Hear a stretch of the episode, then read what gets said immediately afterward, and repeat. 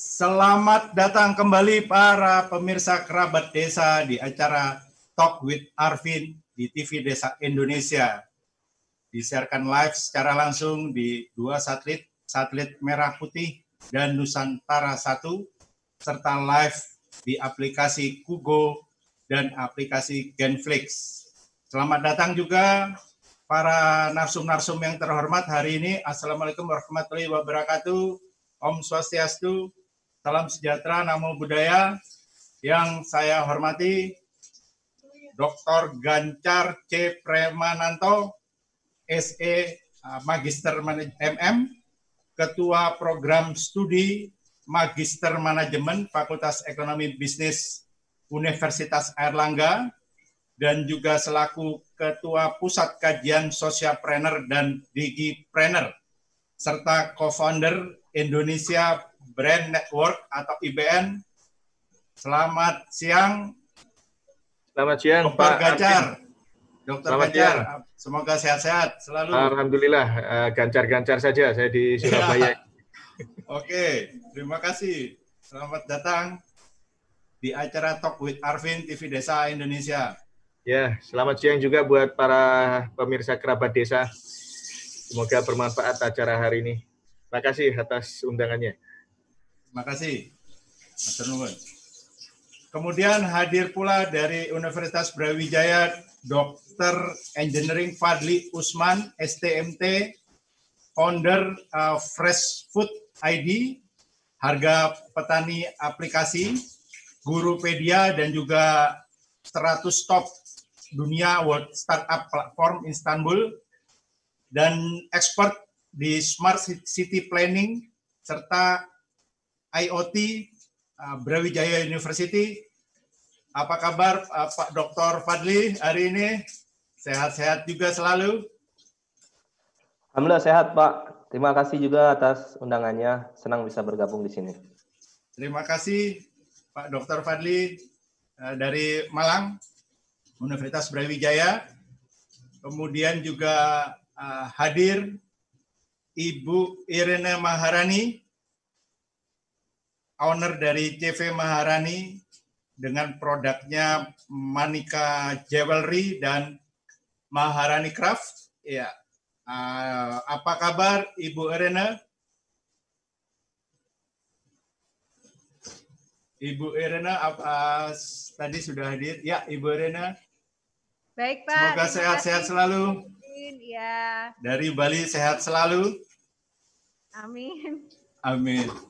Dan juga hadir Iksan Utama, SE MSM Marketing Experience Manager di B2B Industry serta General Manager sebuah BUMN besar dan expert di bidang brand dan market development dengan master degree marketing dari Fakultas Ekonomi Universitas Indonesia.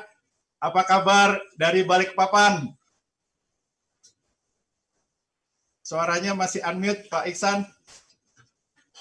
Ya. Suaranya. Terima kasih Pak Iksan. Ya, sehat-sehat Pak Iksan. Ya.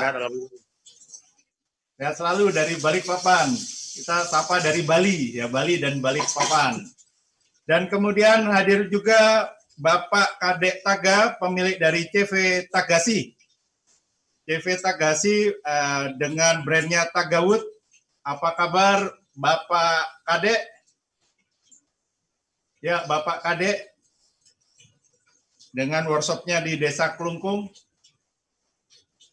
Uh, tadi sudah hadir Ya, nanti kita sapa kembali Bapak Kade. Selamat siang. Oh, selamat siang Bapak Kade. Pak Alvin, selamat siang. Terima kasih sudah hadir. Terima kasih ya. atas undangannya Pak Alvin. Ya, Talk with Arvin TV Desa Indonesia. Terima kasih. Selamat siang semuanya. Selamat ya. siang. Oke. Kali ini kita akan membahas mengenai kreatif produk terutama dari UKM desa bagaimana kreatif produk itu bisa mendunia. Jadi hari ini ada ahli-ahlinya dari kampus-kampus eh, ternama Indonesia.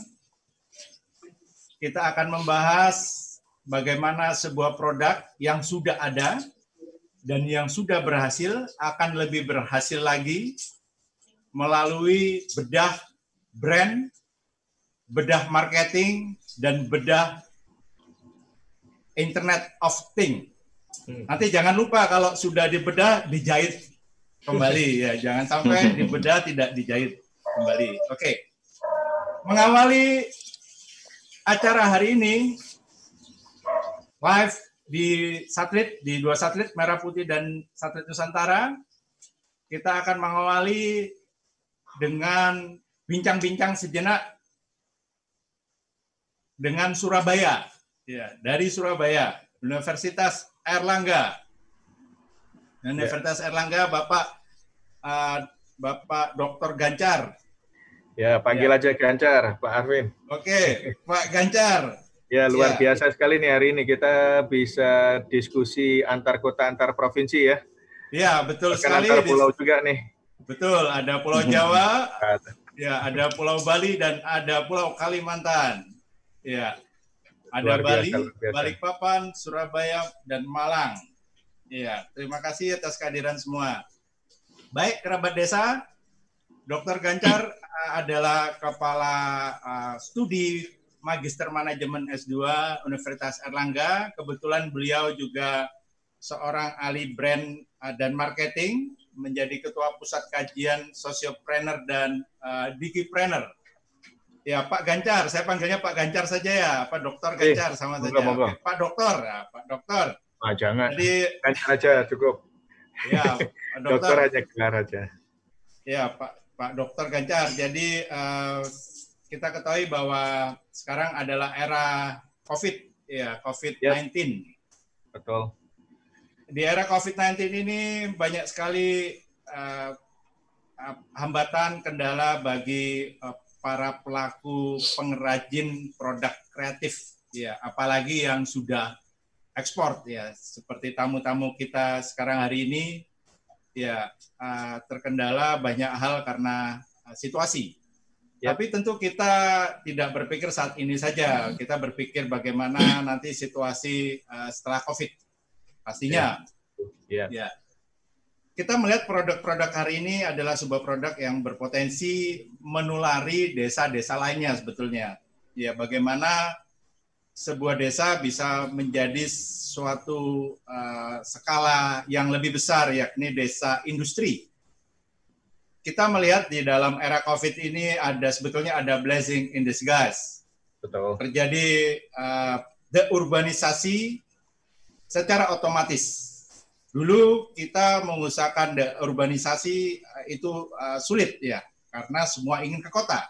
Hmm. Sekarang banyak sekali SDM-SDM kembali ke desa karena terpaksa dan akhirnya terjadi uh, deurbanisasi. Mungkin saja inilah saatnya untuk membangun sebanyak mungkin desa industri karena uh, para SDM yang kembali ke desa ini sedang ada di desa. Ya, dan bagaimana nanti uh, mereka semua tentunya harus memiliki semangat dan ke- uh, keilmuan baru untuk membangun desanya menjadi desa industri. Ya, bahkan mungkin bisa disyaratkan misalnya prakerja di, uh, bisa mengarah ke membangun desa industri tapi diwajibkan untuk membangun desanya, bisa demikian. Nah, Ya. hari ini kita hadir uh, tamu-tamu spesial dari pengrajin-pengrajin yang sebetulnya sudah uh, quote unquote uh, membangun desa industri ya di Bali. Nah, sebelum kita bertanya, kita juga ingin ngobrol dulu nih sama Pak Gancar ya. Hmm. Nah, kita melihat di sini ada Indonesia Brand Network, IBN. Mungkin bisa diceritakan sedikit mengenai IBN itu apa? Baik, eh, jadi tahun lalu kita membuat eh, forum Indonesia Brand Network ini adalah untuk menjadikan baik praktisi maupun akademisi, baik akademisi dosen maupun mahasiswa, kemudian praktisi baik yang UKM maupun kemudian perusahaan besar itu bisa berkumpul di sebuah forum untuk saling berbagi tentang nilai Oke. penting dari branding. Karena kita menyadari bahwa Indonesia itu potensinya sangat luar biasa sekali sebetulnya untuk uh, memasarkan suatu produk. Cuman permasalahannya sering kali adalah di brandingnya. Bagaimana membranding suatu produk. Permasalahan di situ. Nah, jadi branding itu apa? Itu yang kemudian harus kita sampaikan terlebih dahulu bahwa branding itu adalah kita bicara masalah strategi nih. Strategi okay. bagaimana menjadikan sebuah produk itu mempunyai merek yang kemudian merek ini bisa masuk ke benak dan hati konsumen okay. untuk kemudian juga bisa bertahan dalam uh, jangka panjang tidak kemudian muncul kemudian hilang karena sering kali UKM itu muncul kemudian setahun hilang biasanya terutama okay. UKM yang berbau uh, makanan gitu kan ya. Iya, iya. Dan kemudian bagaimana mengembangkan merek itu hingga kemudian bisa ke mancanegara. Maka kita mencoba membuat brand ini kerjasama dengan media karena okay. tanpa media kita tidak bisa mensosialisasikan ide. Okay. Jadi kita butuh media.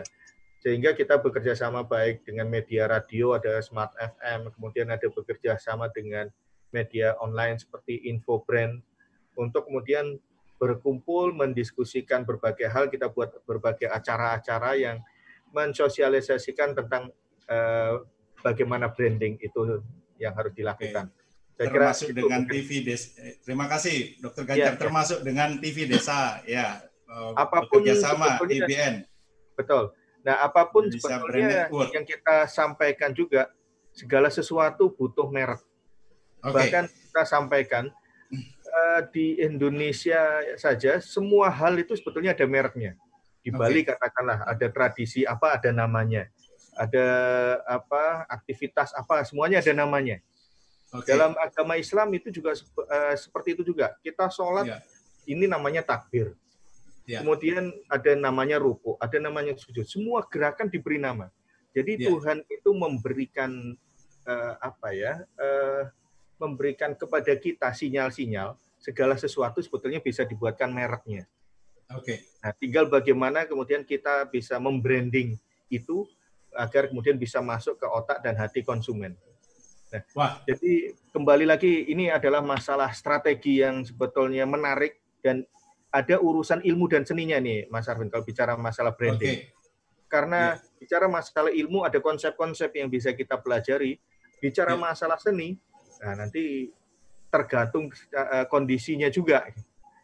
Yeah. Nah, kondisinya bisa berbeda-beda untuk produk yang berbeda, untuk waktu yang berbeda uh, seperti masa COVID ini, maka apa yang harus kita lakukan? Nah itu bisa jadi ada berbeda dengan kalau di waktu uh, normal biasa dan di waktu sekarang new normal. Nah mungkin seperti itu untuk pengantarnya, Mas Arti. Terima kasih, luar biasa, Dokter Ganjar. Ya, terima kasih. Jadi memang di masa COVID ini uh, tantangannya menjadi lebih uh, banyak lagi ya Betul, betul. Tadi saya saya apa? Saya coba cerna uh, mengenai IBN ya. Jadi IBN ini memang saya rasa uh, sebuah lembaga yang memang dibutuhkan untuk branding uh, solution ya. Jadi kalau saya lembaga tadi, sebetulnya. Kita bukan hmm. uh, lembaga, bukan asosiasi, tapi hmm. forum hmm. saja sehingga forum okay. siapa pun bisa masuk tanpa membayar uh, fee apa pun bisa belajar okay, kalau okay. ada acara-acara kita jadi ini forum di mana semuanya bisa ketemu lah yang okay. kemudian uh, mendapat award-award itu dan ini bisa sharing bagaimana mereka membangun merek dan seterusnya dari dunia termasuk, akademisi seperti apa dan seterusnya termasuk kawan-kawan hari ini bisa semua bergabung ya di IBN pastinya sangat bisa Betul, bahkan Pak. kemudian kalau melihat teman-teman ini yang malah kemudian harus sharing nih hmm. karena dunia kreatif uh, ini memang kita butuh juga untuk informasi bagaimana dunia kreatif itu bisa memasarkan dirinya. Wah luar biasa. Nanti saya harap nanti semua yang ada hadir di hari ini bisa bergabung di Indonesia Broadcast Network atau IBN. Yeah. Jadi saya melihat uh, tadi Pak Dr. Gancar uh, berbicara tentang ternyata konsep uh, kreatif produk itu banyak elemennya, ya. Bis, tidak saja uh, elemen daripada manusia Indonesia-nya sendiri mungkin ya. Hmm. Mungkin malah saya rasa bisa sampai uh, uh, ornamen-ornamen historinya ya, bahkan lagu-lagu Nusantara mungkin bisa menjadi konsep oh, kreatif okay. produk juga ya. Ya. Dan juga banyak sekali apa uh, uh, sejarah-sejarah masa lalu Indonesia.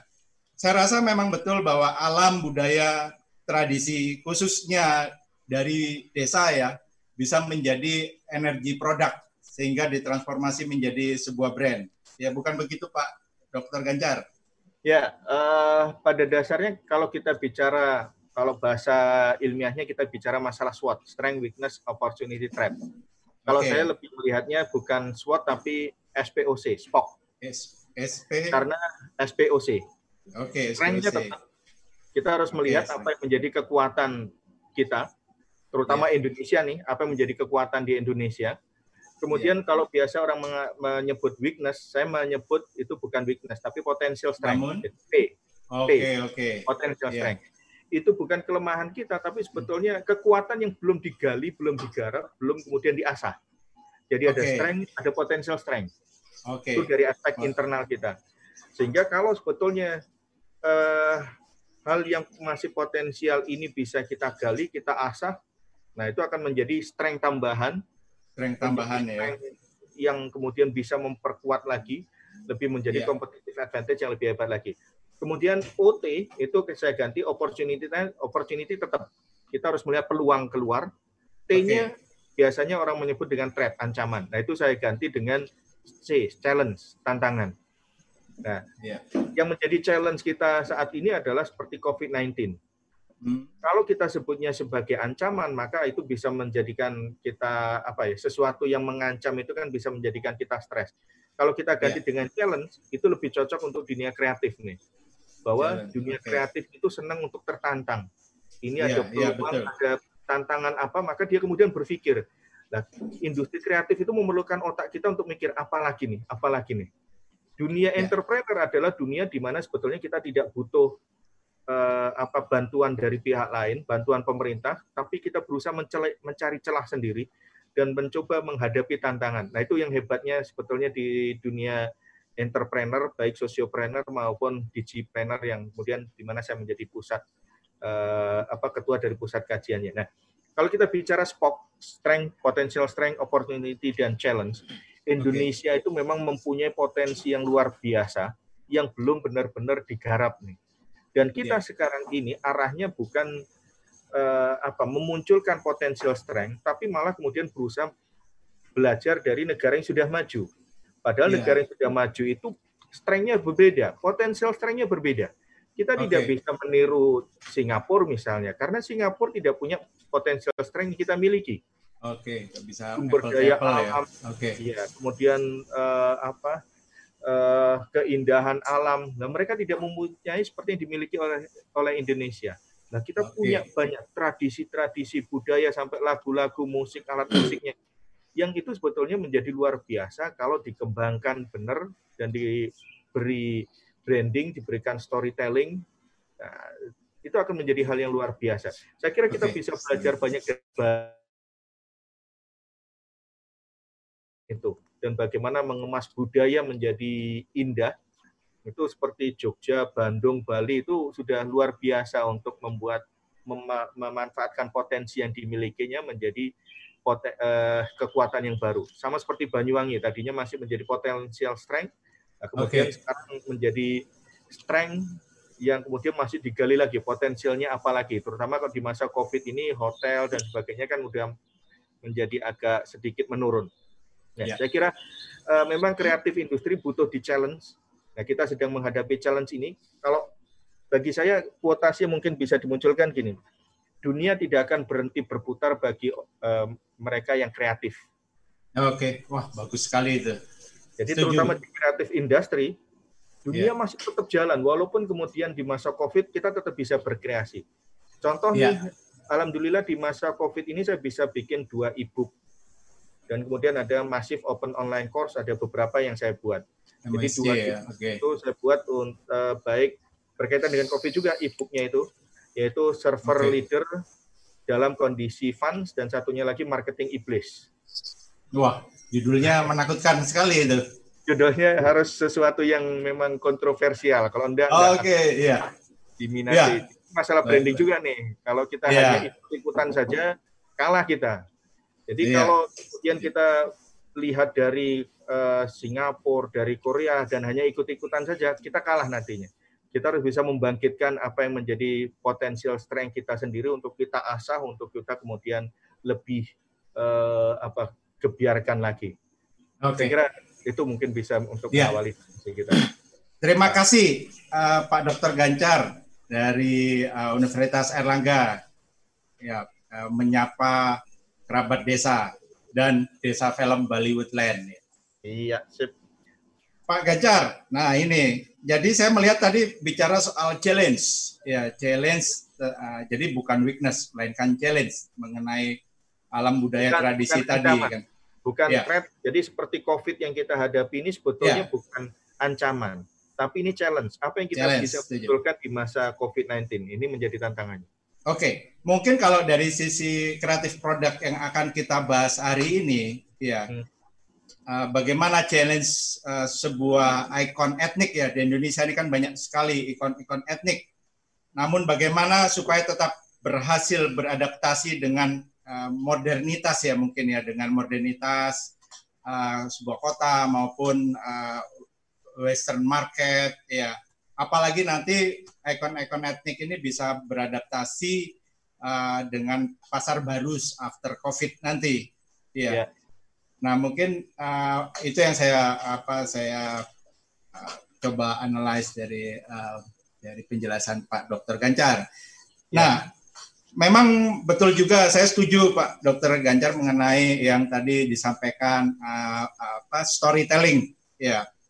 Karena storytelling itu uh, saya pikir nanti akan menjadi kekuatan uh, apa ya karakter ya dari belak dari sebuah brand kan penting juga ya. Jadi memberikan uh, karakter karena kalau brand ini kan saya rasa tidak hanya apa ya logo dan simbol kan pasti ada sebuah cerita mungkin hari ini saya yakin produk-produk itu punya ya tamu-tamu spesial kita hari ini punya karakter nah sa- dari desa film Bali Woodland sendiri sebetulnya ya banyak seka- melihat banyak sekali uh, produk-produk yang menggunakan film untuk membangun Mhm, karakternya Hmm. ya bukan begitu tergancar misalnya film Betul. uh, kesukaan saya tuh Mission Impossible. Sebetulnya Hmm. di situ jam jam tech hire ya dibangun karakternya melalui uh, sebuah film. Jadi yang pakai jam itu seakan jadi apa jagoan yang sulit mati Oke. gitu kan ya. Ya, ya. Bahkan sampai produk digital kayak Microsoft malah membangun karakter dari foundernya apa Bill Gates ya melalui foundationnya. Sekarang foundationnya dari dulu ya selalu di bidang kesehatan, padahal Bill Gates uh, di bidang IT. Di sana mungkin uh, akhirnya uh, ini saya ingin tanyakan, akhirnya banyak sekali pro kontra kan. Foundation Bill Gates kok ngurusin kesehatan, padahal uh, softwarenya software IT. Jadi akhirnya dianggap ini, dianggap apa namanya, dianggap konspirasi dan sebagainya. Uh, Dan akhirnya saya melihat bahwa merek Microsoft lebih disukai ya dari citra-citra yang dibangun yang Ya. tidak terkait IT itu. Nah, ini bagaimana Pak Dokter? Ah, Nanti saya akan ke eh, kawan-kawan hari ini juga eh, menanyakan kurang lebih serupa. Oke. Jadi membangun karakter di balik merek itu harus bagaimana sebetulnya itu? Ya, jadi kembali lagi pada filosofi, eh, pada kekuatan dasar dari orang Indonesia nih sebetulnya, bahwa sebetulnya orang Indonesia kan pendongeng dan suka dongeng. Pendongeng. Ya, tadi storytelling Suka tadi ya. Oke, dan oke. suka bercerita. Tapi itu belum kita manfaatkan untuk menceritakan produk kita dan merek kita. Oke, betul Hanya betul sekali. menceritakan cerita-cerita atau bahkan sekedar menggosip saja ya. Baru hanya diarahkan ke sana. Padahal kita biasanya kalau tidur zaman dulu selalu ada dongeng gitu kan untuk Iya. memasarkan ide-ide dan value-value kepada eh, anak cucu kita gitu berupa cerita. Oke. Nah, sebetulnya Oke. ini adalah potensial strength yang kita miliki bahwa eh, produk itu bisa jadi sama, tapi dengan story yang berbeda, Oke. maka itu bisa Oke. membawa hal yang berbeda. Contoh gini nih, saya sering kali membawa contoh eh, tempe Bang Jarwo. Oh, Yang namanya Tempe tempe, itu di mana-mana bisa jadi sama. Apa Oke, sih kenapa kita harus beli tempe di sana gitu kan tidak ada alasan. Rumah saya di daerah Tropodo, Juanda, dekat Juanda. Saya beli Sama tempe ya? itu Iya, saya beli tempenya yang Bang Jarwo itu di daerah Doli. Iya. Oh, jadi Kenapa lebih enak gitu ya. gitu? Bukan masalah enaknya. Konsumen itu sebetulnya tidak tahu Taste-nya. mana produk berkualitas atau tidak. Oh, Oke, oke, Ada oke. storytelling yang kemudian dibalik Storytellingnya itu ya. Bang Jarwo itu. Bahwa Bang Jarwo ini bahkan beliau buat bukunya ini. Jarwo Susanto si Arek Doli. Wah. Dia cerita bagaimana dulunya menolak penutupan Doli Hmm, dan kemudian eh, di pelariannya dia belajar untuk membuat tempe dan ya. kemudian dia berubah sekarang menjadi sosiopreneur, menjadi penggerak. Oke, oke. Jadi yang tadi tadinya menolak penutupan sekarang kemudian eh, mendukung adanya apa UKM UKM dibangkitkan dia mem- apa, membina lingkungannya untuk kemudian Oke. dimunculkan satu persatu. Nah, ada story bahkan kemudian dibuat bukunya. Oke. Kita juga tahu Walt Disney itu ada bikin film Saving Mr. Bank. Kemudian Hmm. uh, McD, McDonald itu ada apa ya judul filmnya The Found- uh, Founder. Founder, Itu ada cerita Iya. yang kemudian menunjukkan bahwa mereka ini punya story yang bisa diceritakan, yang ada value-nya dan menjadikan ketika kita menonton itu masuk ke hati, bukan hanya ke otak. Nah, ini Oke. masuk ke hati penting nih. Karena otak kita udah banyak melihat berbagai hal, mendapat banyak informasi, sehingga kalau menerima informasi lagi udah jenuh. Hmm. Tapi kalau kemudian berupa story, masuk ke hati tadi melalui film-film, nah itu berbeda lagi poinnya. Oke. Jadi kalau secara teori ini masuk ke peripheral, bukan masuk ke central route, bukan masuk ke tujuan utama, tapi ke peripheral. Kita merasa terhibur, merasa asik, tapi kemudian ada sesuatu yang kita dapat. Nah, Oke. storytelling itu yang belum banyak kita gunakan nih untuk Storytelling, ya. produk kita. Nah, Ya. maka pa- padahal setiap produk, setiap merek pasti punya cerita di balik eh, pembuatannya, bagaimana ya. usahanya. Nah, ini saya kira eh, Pak Arvin dan teman-teman di TV Kerabat Desa ini, saya kira bisa Ya. membuatkan storytelling dari masing-masing sehingga rasanya itu masuk ke hati. Ini ada aktivitas yang apa ya? Kalau kita menjadi berempati dengan Oke. eh, suatu suatu produk orang bahkan artis zaman dulu kalau eh, atau zaman sekarang lah kita kan menjadi senang kepada artis itu karena dia ada awalnya didolimi dulu namanya lakon kan pasti didolimi terlebih dahulu baru kemudian Iya, menang iya. aktif. Nah itu Hmm. masuk ke hati dulu sehingga kita merasa berempati dengan yang bersangkutan. Nah Iya. akhirnya ditunjukkan dia sukses loh Oke. hal-hal itu sebetulnya menjadi tema eh, penceritaan secara basic itu ya hanya seperti itu saja kurang lebih yang gampang Oke. bahwa Ya. dulu kita susah payah kemudian sekarang sukses nah bagaimana susah payah itu bahwa dulu ada di dolimi A B C D Nah, itu mungkin bisa masing-masing bisa diceritakan hal seperti itu Pak Arvin Iya. mungkin ada ada dibuat program TV sendiri Pak Arvin untuk eh, menceritakan dalam bentuk story yang berbeda. Jadi Terima- ada filmnya seperti Saving Mr. Bank atau the foundernya McDonald eh, Tuan Krok itu. Thank you, thank you. Wah, masukan yang sangat berharga sekali dan sangat menarik. Sesuai tema hari ini, the art uh, of branding and marketing, khususnya untuk uh, UKM desa. Jadi Iya. walaupun UKM desa juga harus bisa melakukan storytelling, ya Pak Gancar, Pak Dokter Oh, sangat Gancar. bisa Jadi- sekali. Seperti tadi jadi- kan Doli, Doli itu menjadi cerita di balik Doli itu apa? Bahkan tadi kan saya sempat ceritakan Iya. ketika off air, mereka sekarang membuat aktivitas untuk apa semacam tour ke Doli.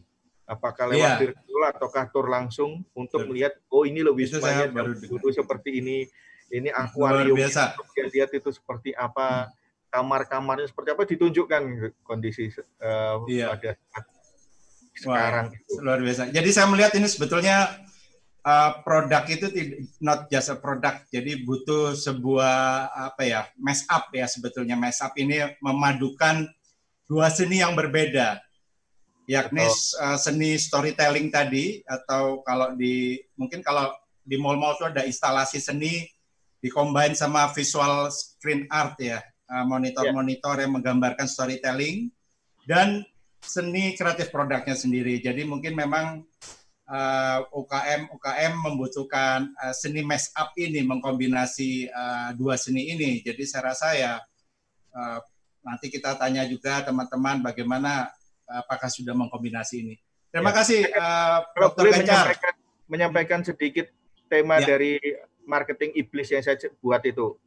Boleh, Pak. boleh silakan. Singkat. Jadi Hmm. marketing iblis itu sebetulnya adalah ilmu yang dimiliki oleh tokoh pemasaran. Hmm. Iblis itu tokoh pemasaran yang luar biasa karena semua agama, semua orang dari kecil sampai dewasa itu tahu setan atau iblis. Ya. Dan itu persuasi mereka juga sangat luar biasa. Sehingga Ya. nenek moyang kita, Nabi Adam dan Siti Hawa terpersuasi. Jadi ilmu Oke. yang sangat menarik untuk dipelajari. Salah satu ilmu yang luar biasa Oke. adalah masuk ke emosi, masuk ke hati. Bukan masuk ke sini. Karena kalau masuk ke sini orang mikir. Jadi harga itu sering kali tidak dimunculkan, tapi bagaimana membuat orang tertarik dan suka. storytellingnya ya. Mungkin Storytelling. Surabaya Surabaya ada makanan itu rawon setan Oh, ya. setan. Nah, mengkomunikasikan dengan cara yang halus itu penting. Kalau Oke kita oke. hard selling di era se- sekarang ini, orang cenderung nolak. Jadi Ya. kita harus eh, mengkomunikasikan produk kita secara halus, secara soft selling. eh, kalau tadi kita sampaikan kan bahwa eh, ya melalui film itu kan lebih cenderung untuk soft selling ya. Iya. orang tidak betul, merasa betul. mengikuti sehingga beberapa film itu dalam meng- menularkan nilai-nilainya itu kemudian walaupun nilai-nilai itu tidak sesuai dengan dunia Indonesia dengan dunia Timur itu kemudian merasuk ke kita. Oke, Nah, baik. bagaimana mereka Terima- melalui story. Terima kasih uh, Dokter Gancar. Nanti kita kembali lagi membahas uh, hal yang menarik ini storytelling memakai apa tadi uh, uh, uh, iblis iblis products ya, tapi dengan cara yang soft selling. Nah, uh, kita akan menyapa uh, Malang, menyapa Malang, uh, Dr. Fadli, Dr. Eng Fadli. Beliau ini lulusan dari Jepang, doktor degrinya, tapi saya agak sulit menyebut universitasnya apa ya. Itu uh, mungkin bisa disebut kembali Pak Dokter. Dokter Fadli. Eh, sebentar, oke. Eh, makasih. Pak Apa kabar? Sehat? Ya. Ah, baik, baik, sehat. Ya. Ya. Ini kalau disebut universitas memang mengandung makna.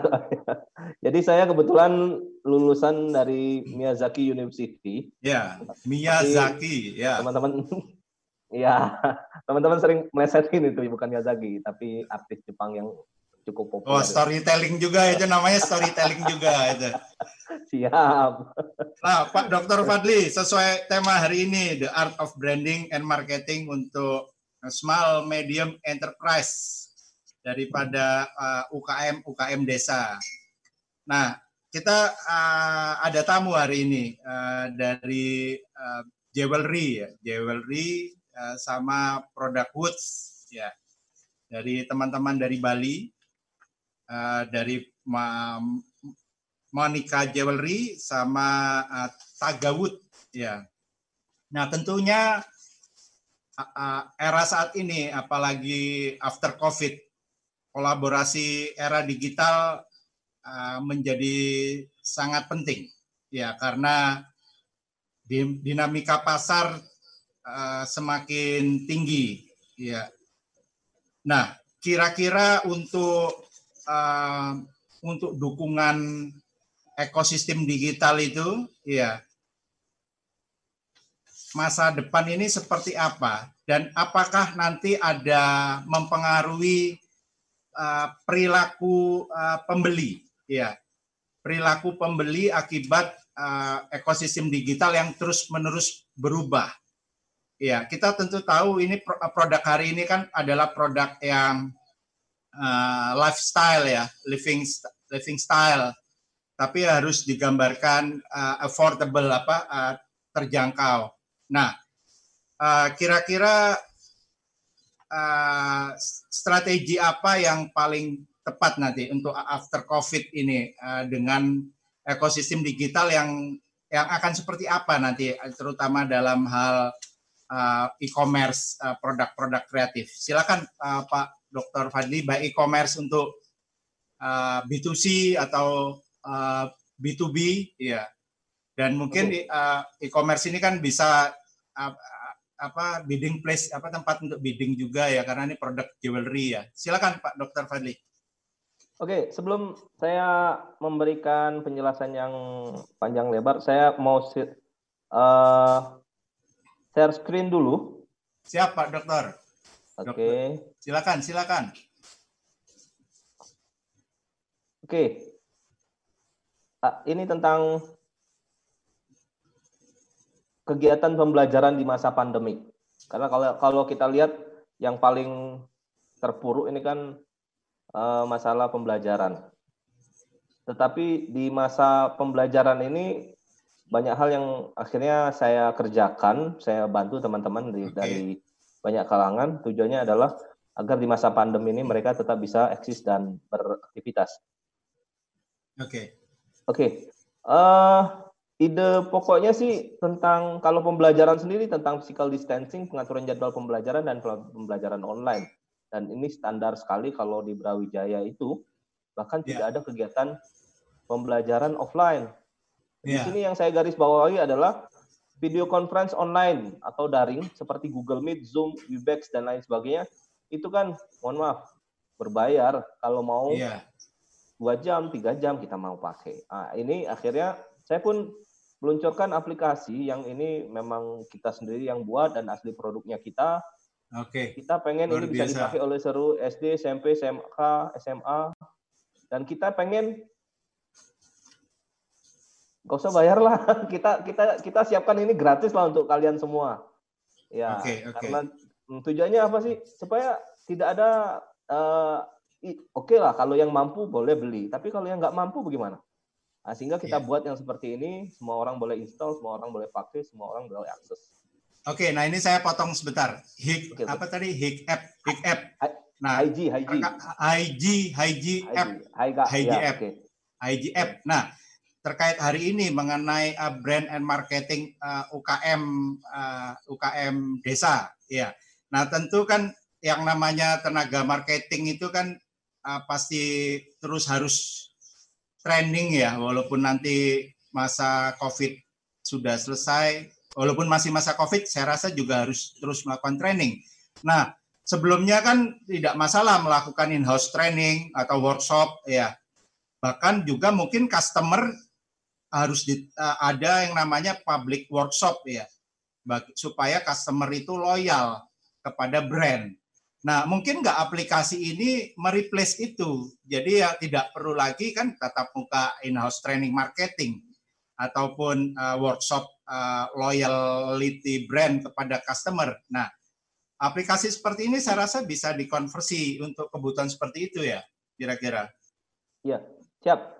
Itu benar sekali. Memang ada beberapa UMKM yang kesulitan untuk berkomunikasi dengan customer mereka. Sehingga Iya. kami pun sedang merancang, misalnya contohnya ya, eh, SD, SMP, SMA, kami membuat, ini juga produknya kita, namanya Learning Management System, punya Gurupedia. Oke. Karena Gurupedia punya saya juga.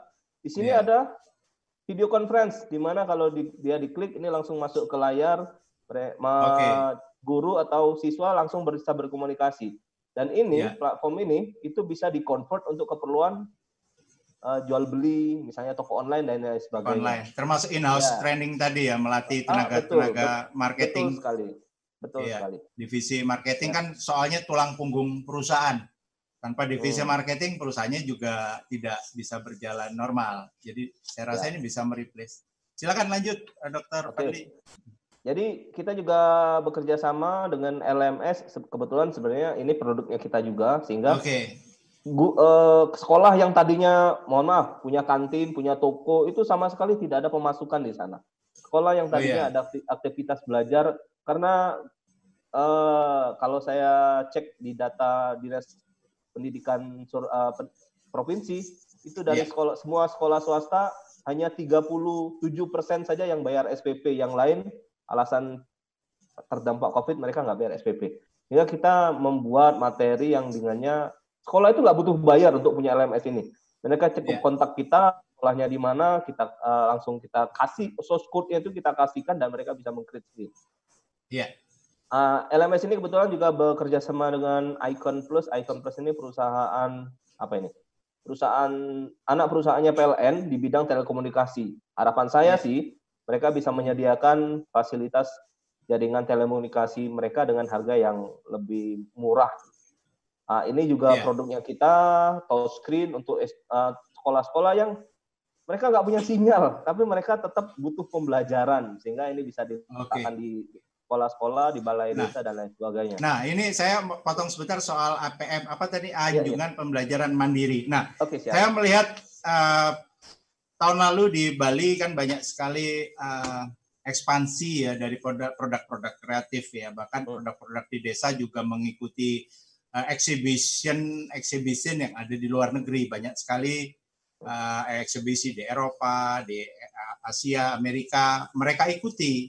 Tapi sekarang kan eksibisi itu tidak ada lagi. Padahal eh, ekspansi itu akan selalu ada. Walaupun nanti COVID over ekspansi juga ada. Salah satu ekspansi ikutin mengikuti eh, exhibition tadi. Nah, mungkin tidak eh, alat ini menjadi alat eksibisi untuk UKM, UKM eh, produk kreatif itu. Iya. Yes, Mes- mungkin mestinya ya. bisa. Mestinya bisa dan kontennya kita bisa kontrol dari Indonesia. Misalnya itu berada di airport atau berada di kedutaan Indonesia. Ah, yang kontennya kita bisa kontrol dari Indonesia. Eh, kita mau nampilin apa sih? Ini loh JWD punyanya Bali kita mau tampilkan. Itu bisa, sangat bisa karena zaman sekarang kan pokoknya online kita bisa akses ke Oke. Nah, eh, IP mana saja. Ya. Setuju saya. Ah, jadi gini kalau tadi Pak Dr. Fadli sampaikan akhirnya kan memang ah, ekosistem digital dibutuhkan oleh UKM UKM ya. Tidak saja untuk distribusi apa jualannya ataupun banking pembayaran. Tapi juga apa big data marketnya ya tadi ya. Karena big data market ini saya rasa memang ah, penting untuk ah, UKM UKM itu melakukan ah, customer engagement ya. Nah, uh, konten tadi yang Pak Dr. Fadli sampaikan konten. Nah, itu bagaimana nanti kira-kira customer engagement dari uh, alat al- alat-alat seperti ini didesain untuk UKM? Kira-kira kepentingan big data market mereka seperti apa nanti bisa uh, teraplikasikannya? Oke. Ini ada kasus ya, contoh kasus. Iya. Sekolah swasta. Iya. Mereka selama pandemi nggak punya murid. Yang daftar biasanya kapasitas 300, yang daftar cuma 13. Hmm. Kalang kabut, sekolah negeri sudah mau masuk, mereka belum punya murid. Lalu ceritalah ke saya, apa yang harus saya lakukan? Oke, kamu minta nasihat atau minta apa ini saya? Ya, nasihati kami supaya kami punya murid. Oke, yang pertama berdoa saya. Customer ya, oke. Ya, yang Iya, kedua, Setuju. yang kedua, kamu buat landing page. Dia tanya, apaan Oke. landing page? Oke, landing, Landing page, itu page. adalah uh, tempat di mana kamu meletakkan semua informasi siapa kamu, sekolah apa, Oke. seperti apa kamu dan lain sebagainya. Oke, akhirnya mereka Jadi buat kalau landing- produk ini apa produknya, profil Ya, produknya siap, apa, siap, betul. landing landing page. Oke. Ya, mereka buat landing page akhirnya saya sarankan di Facebook saja. Kenapa Facebook? Eh, mohon maaf, Facebook itu bahkan mengerti karakternya kita. Misalnya Hmm, kita oke. habis mengakses eh, jualan tas atau jualan sepatu, maka waktu kita membuka Google, membuka mohon maaf TikTok misalnya ya, Iya. itu iklan itu keluar loh apa-apaan itu atau kemarin kita akses Lazada kok nongol di sini seperti reminder kita eh kamu nggak jadi beli Oh, seperti oke. itu jadi Iya, karena kenapa saya minta ke Facebook supaya karena mereka apa ya database mereka itu sangat kuat dan mereka merekam semua aktivitas usernya Oke. karena yang, yang sudah dibeli use sama Facebook itu salah satunya Instagram. Sekali mereka buat Iya. landing page di Facebook, maka automatically mereka bisa juga uh, info apa beriklan di Instagram walaupun mereka nggak punya akun Instagram. Iya. Tapi saya saya ya. rasa, uh, ya, tapi saya rasa rata-rata UMKM itu ya punya Instagram, tapi mereka nggak punya Facebook untuk page, Hmm. bukan untuk Facebook personal ya, untuk page. Akhirnya Iya. mere- uh, saya lanjutkan Tidak lagi. teroptimalkan ya. ya mereka punya mereka punya IG mereka punya akun Instagram lalu saya ajari bagaimana mengiklan dan mengkelompokkan calon user mereka dan Iya. ya syukur alhamdulillah sebelum menjelang pembukaan kelas mereka mendapatkan murid lebih dari 300 Wah, luar biasa. Itu Jadi bagaimana yang- kalau di- diaplikasikan ke produk kreatif bagaimana kira-kira? Ya. Uh, uh, Jadi begini, misalnya uh, kebetulan sekolahnya itu di Surabaya, Ba- uh, Surabaya Barat, Surabaya Selatan, lalu Iya. di sekitar Siwalan Kerto, sekolahnya itu saya tanya, biasanya muridnya dari mana saja sih? Oh karena Iya. kita mepet Waru, mepet sidoarjo, kadang murid kita juga dari sidoarjo. Terus rata-rata dari mana? Paling jauh kalau ke Surabaya ya paling di sekitar uh, mana itu Uh, Wonokromo dan sekitarnya. Oke, pakai bubble saja. Dari sekolahmu dibuat uh, coverage area sekitar 10 sampai 12 kilo dan itu sekitar sampai daerah Waru itu lewat bahkan sampai ke Sidoarjo kota. Iya. Lalu kelompok umurnya kelompok umur mulai dari mereka yang lulus SMP karena dia SMA, mulai dari kelompok lulus SMP sampai usia bapak-bapaknya mereka. Dan itu waktu Oke, kita posting kalau ngiklan di Facebook itu ya 20.000 ribu Hmm. paling murah dan itu bisa menjam, menjangkau 20 ribunya itu sehari paling murah itu Ya. bisa mengcover sekitar 5.000 orang yang menonton iklan itu. Lalu kemudian Oke, oke. karena waktunya tinggal dua minggu, mereka akhirnya setiap hari itu ngiklan sampai sep- eh, lima- 10 sampai 15 ribu orang menonton iklan mereka sampai akhirnya apa sekolah mulai masuk dan itu mendapatkan 400 siswa. Dan Tetap ini dibutuh- kita ya kita bisa arahkan ke pemilihan produk dan lain sebagainya. siap. Tetap dibutuhkan storytelling tadi yang disampaikan Ah, Dokter Ganjar. pasti, pasti. Iya. Nah, Pastilah. Eh, ini diterapkan dalam eh, skala lokal ya. Bagaimana kalau kita menerapkan eh, kreatif produk yang hadir hari ini kan sampai ekspor ya. Itu bagaimana menerapkan sistem bubble tadi kira-kira. Oke, nanti malam ini saya ada rapat dengan teman-teman UMKM pengrajin Tanggulangin. Iya, iya. Uh, jadi ceritanya mereka bilang kita ini produknya biasanya kita ekspor, Tapi, Tapi sekarang sekarang- COVID ya. tapi sekarang bagaimana mau ekspor? Orang kenal aja enggak sama produk. Saya tanya, biasanya Iya. pakai apa landing page-nya? Enggak ada pakai landing-landingan Pak katanya. Oh ya oke oke. Iya. Nanti malam lah kita rapat saya bilang. Yang Iya. biasanya produk yang paling banyak dicari apaan saya tanya. Oh itu Pak, case-nya uh, MacBook Air. Oh, yang dari kulit dong. Iya, mereka sangat suka itu yang dari kulit. Kita biaya produksi paling cuman 20 dolar tapi di sana laku sampai 200 dolar. Oh, mantap dong 10 kali lipat. Iya, dan itu paling banyak dicari. Setiap bulan bisa 100 pieces itu pasti laku.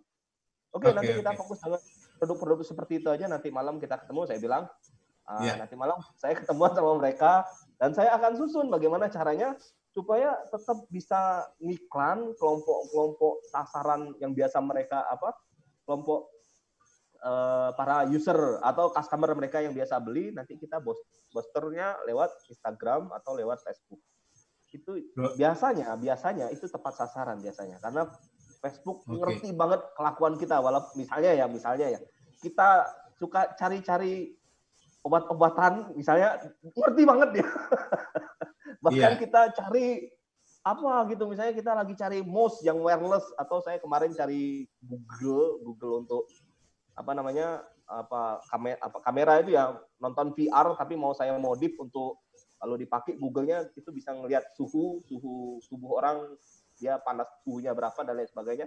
Mau saya modif seperti itu.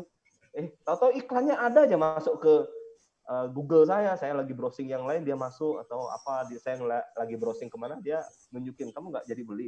Oh gitu. Jadi dia kenal banget sama kita.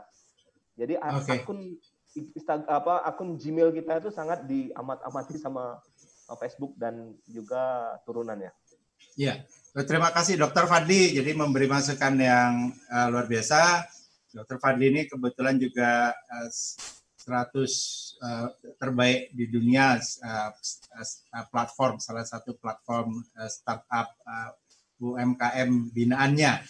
Nah, eh, kalau saya eh, cermati tadi bahwa eh, yang disampaikan eh, di pengrajin eh, sidoarjo tadi ya, saya rasa eh, pengrajin sidoarjo ini sebelum pukulan COVID ada pukulan apa lumpur ya lumpur lapindo sekarang pukulan COVID. Iya, saya melihat memang eh, eh, kalau kita bicara market share, market share ini kan yang sudah sudah ada ya, yang kemarin eh, didapat lah sampai sekarang. Ada kemungkinan market share eh, atau ya, market usage ya itu sudah berubah mungkin ya uh, setelah COVID ya. Hmm. Mungkin ini yang uh, nah terus bagaimana ma- uh, melihat ke depan uh, apa kok uh, share the komitmen share ya uh, komitmen share uh, future future marketnya karena perubahan after COVID ini.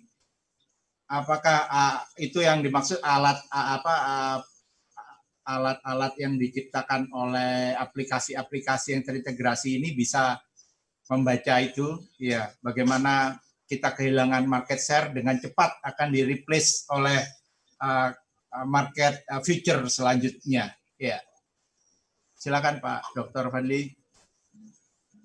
Oke, eh, ini lagi ada tahu bulat di lewat depan mungkin kedengaran ya.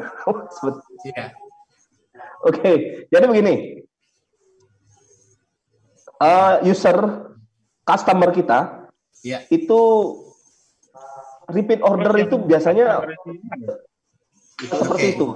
Terjadi repeat order yang akhirnya mereka membeli lagi dan lagi dan lagi. Yang terdata sehingga- ya Em, Ya, sehingga yang harus kita jaga itu adalah database yang kemarin.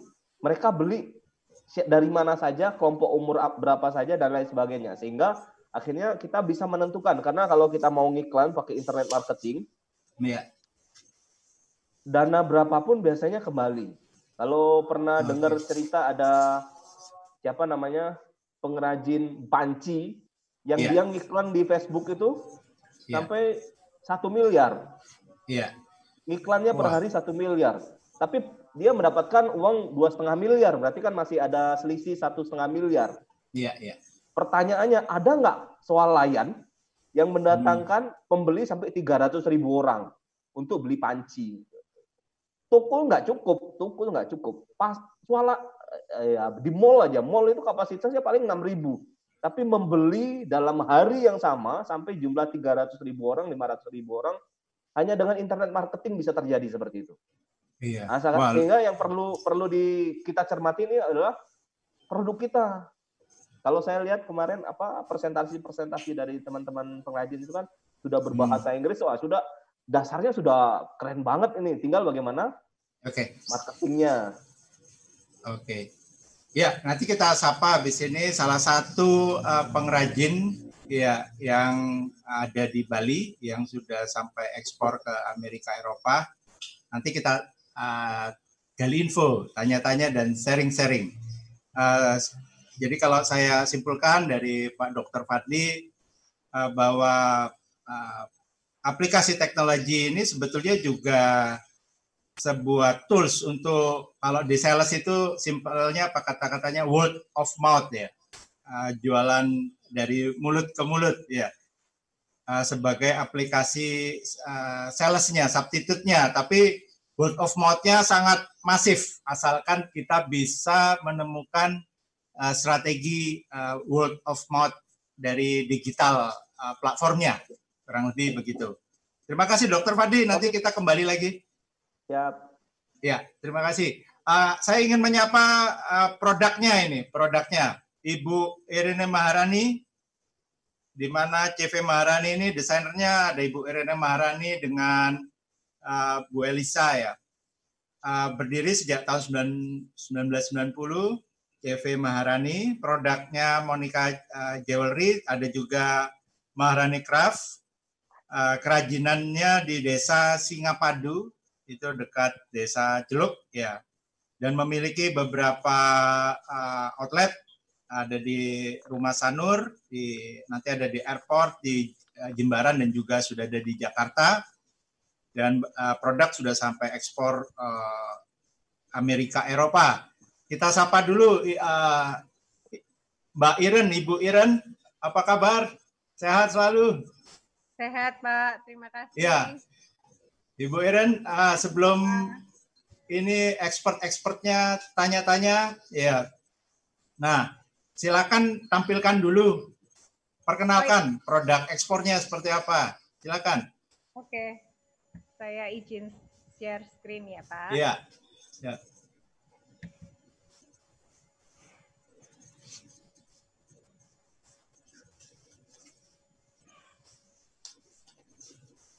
Oke, udah tampil ya Pak? Sudah, ya. Siap. Bagus, bagus. Selamat Silakan, siang, silakan. Ya, terima kasih atas kesempatan yang diberikan kepada kami, Manika Jori.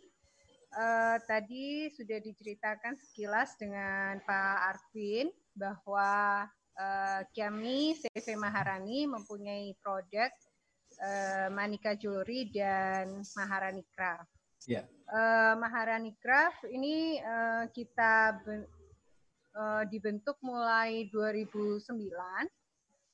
Eh, Waktu itu sebenarnya ayah saya yang mempunyai usaha silver, Maharani Silver, itu sejak tahun 90 ya kalau aktenya, tapi eh, Pak Aseng, pendiri CV Maharani itu sebenarnya dulunya eh, pertama kali ke Bali itu eh, berdagang asong di pantai menjajakan Oh, oke. kerajinan kerajinan dari Bali. gitu. Jadi Iya, iya. eh, saya dalam hal ini adalah second generation dari eh, Bapak. Kebetulan Oke, oke. ya eh, empat tahun yang lalu Bapak stroke, jadi saya meneruskan. Iya. Eh, Manika sendiri kita dirikan atau kita launching di 2015. Pada saat itu saya merasa eh, Maharani Craft sudah cukup stabil dengan produk handicraftnya dan kemudian kita ingin eh, kembali mengharumkan nama Maharani dengan jewelry-nya. Tapi kita tidak mau pilih silver karena silver sudah banyak waktu itu. Jadi kita putuskan eh, dengan kuningan gitu. Oke, oke. Pengrajin yang mengerjakan eh, manika itu eh, adalah second generation dari tukangnya bapak yang dulu sejak dulu mendampingi eh, ayah saya. Jadi Oke. dulu ayah saya pinjem barang sama si bapaknya Wayan. Oke, oke. Em, kita launching di eh, Jakarta Fashion Week waktu itu. Terus Hmm. kemudian eh, ada Pak Samuel Watimena mendatangi booth kita Ya. dan menyapa kita, eh, kamu baru ya gitu. Kemudian kita bilang iya Pak, kita baru gitu. Wah unik nih gitu. Ya. Jadi eh, waktu itu happy sekali bahwa sambutannya dari Pak Samuel Watimena sangat eh, menghargai karya kita dan kelihatan eh, kita baru gitu unik Eh, sehingga kita diajak untuk ikut di Inakraf 2016 gitu. Oke. Nah di Inakraf 2016 eh, itu kita di booth eh, Kemendak karena waktu itu Pak Samuel Watimena adalah sebagai kurator dari eh, booth eh, Inakraf Kemendak. Dan waktu itu pada hari ketiga eh, kita sudah sold out Wah, luar biasa. sedikit gitu. Ya. Em, kemudian kita juga menerima award. Eh,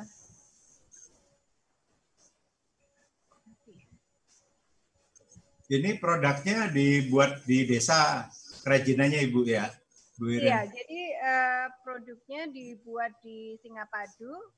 Singapadu. Dan ya bahan batunya Bahan baku. kita hmm. memilih yang lokal Ya. dan kita pilih batunya unfinished. Kita Hmm. kepingin eh, customer itu tahu eh, batu kristal, kemudian batu pirit itu eh, bentuknya seperti apa. Jadi Unfinished, bukan ya. polesan. Iya, Unfinished product. iya unfinished product. Nah, ya, ini hmm. ya Pak. ya. Silakan silakan diteruskan dulu, nggak apa-apa. Eh, jadi 2016 kita mendapat sambutan yang baik dari Inakraf eh, Oke. dan mendapat Femina Award dan Inakraf Award waktu itu. Ya. Eh, kemudian eh, akhirnya kita juga meneruskan event Inakraf setiap tahun dan setiap tahun menjadi challenge untuk kita apakah kita masih bisa mempertahankan award yang kita bisa dapat itu gitu. Jadi Oke. eh, setiap tahun di 2016 kita mendapat award atas cincin yang dengan batu kristal yang unfinished. Eh, kemudian juga ada batu pirit dalam sangkar berupa pendant seperti sangkar burung gitu, ada batu di dalamnya. oke. Iya. Kemudian di 2017 eh, kita bikin kalung dengan aromaterapi waktu itu. Jadi, Oke, eh, luar biasa.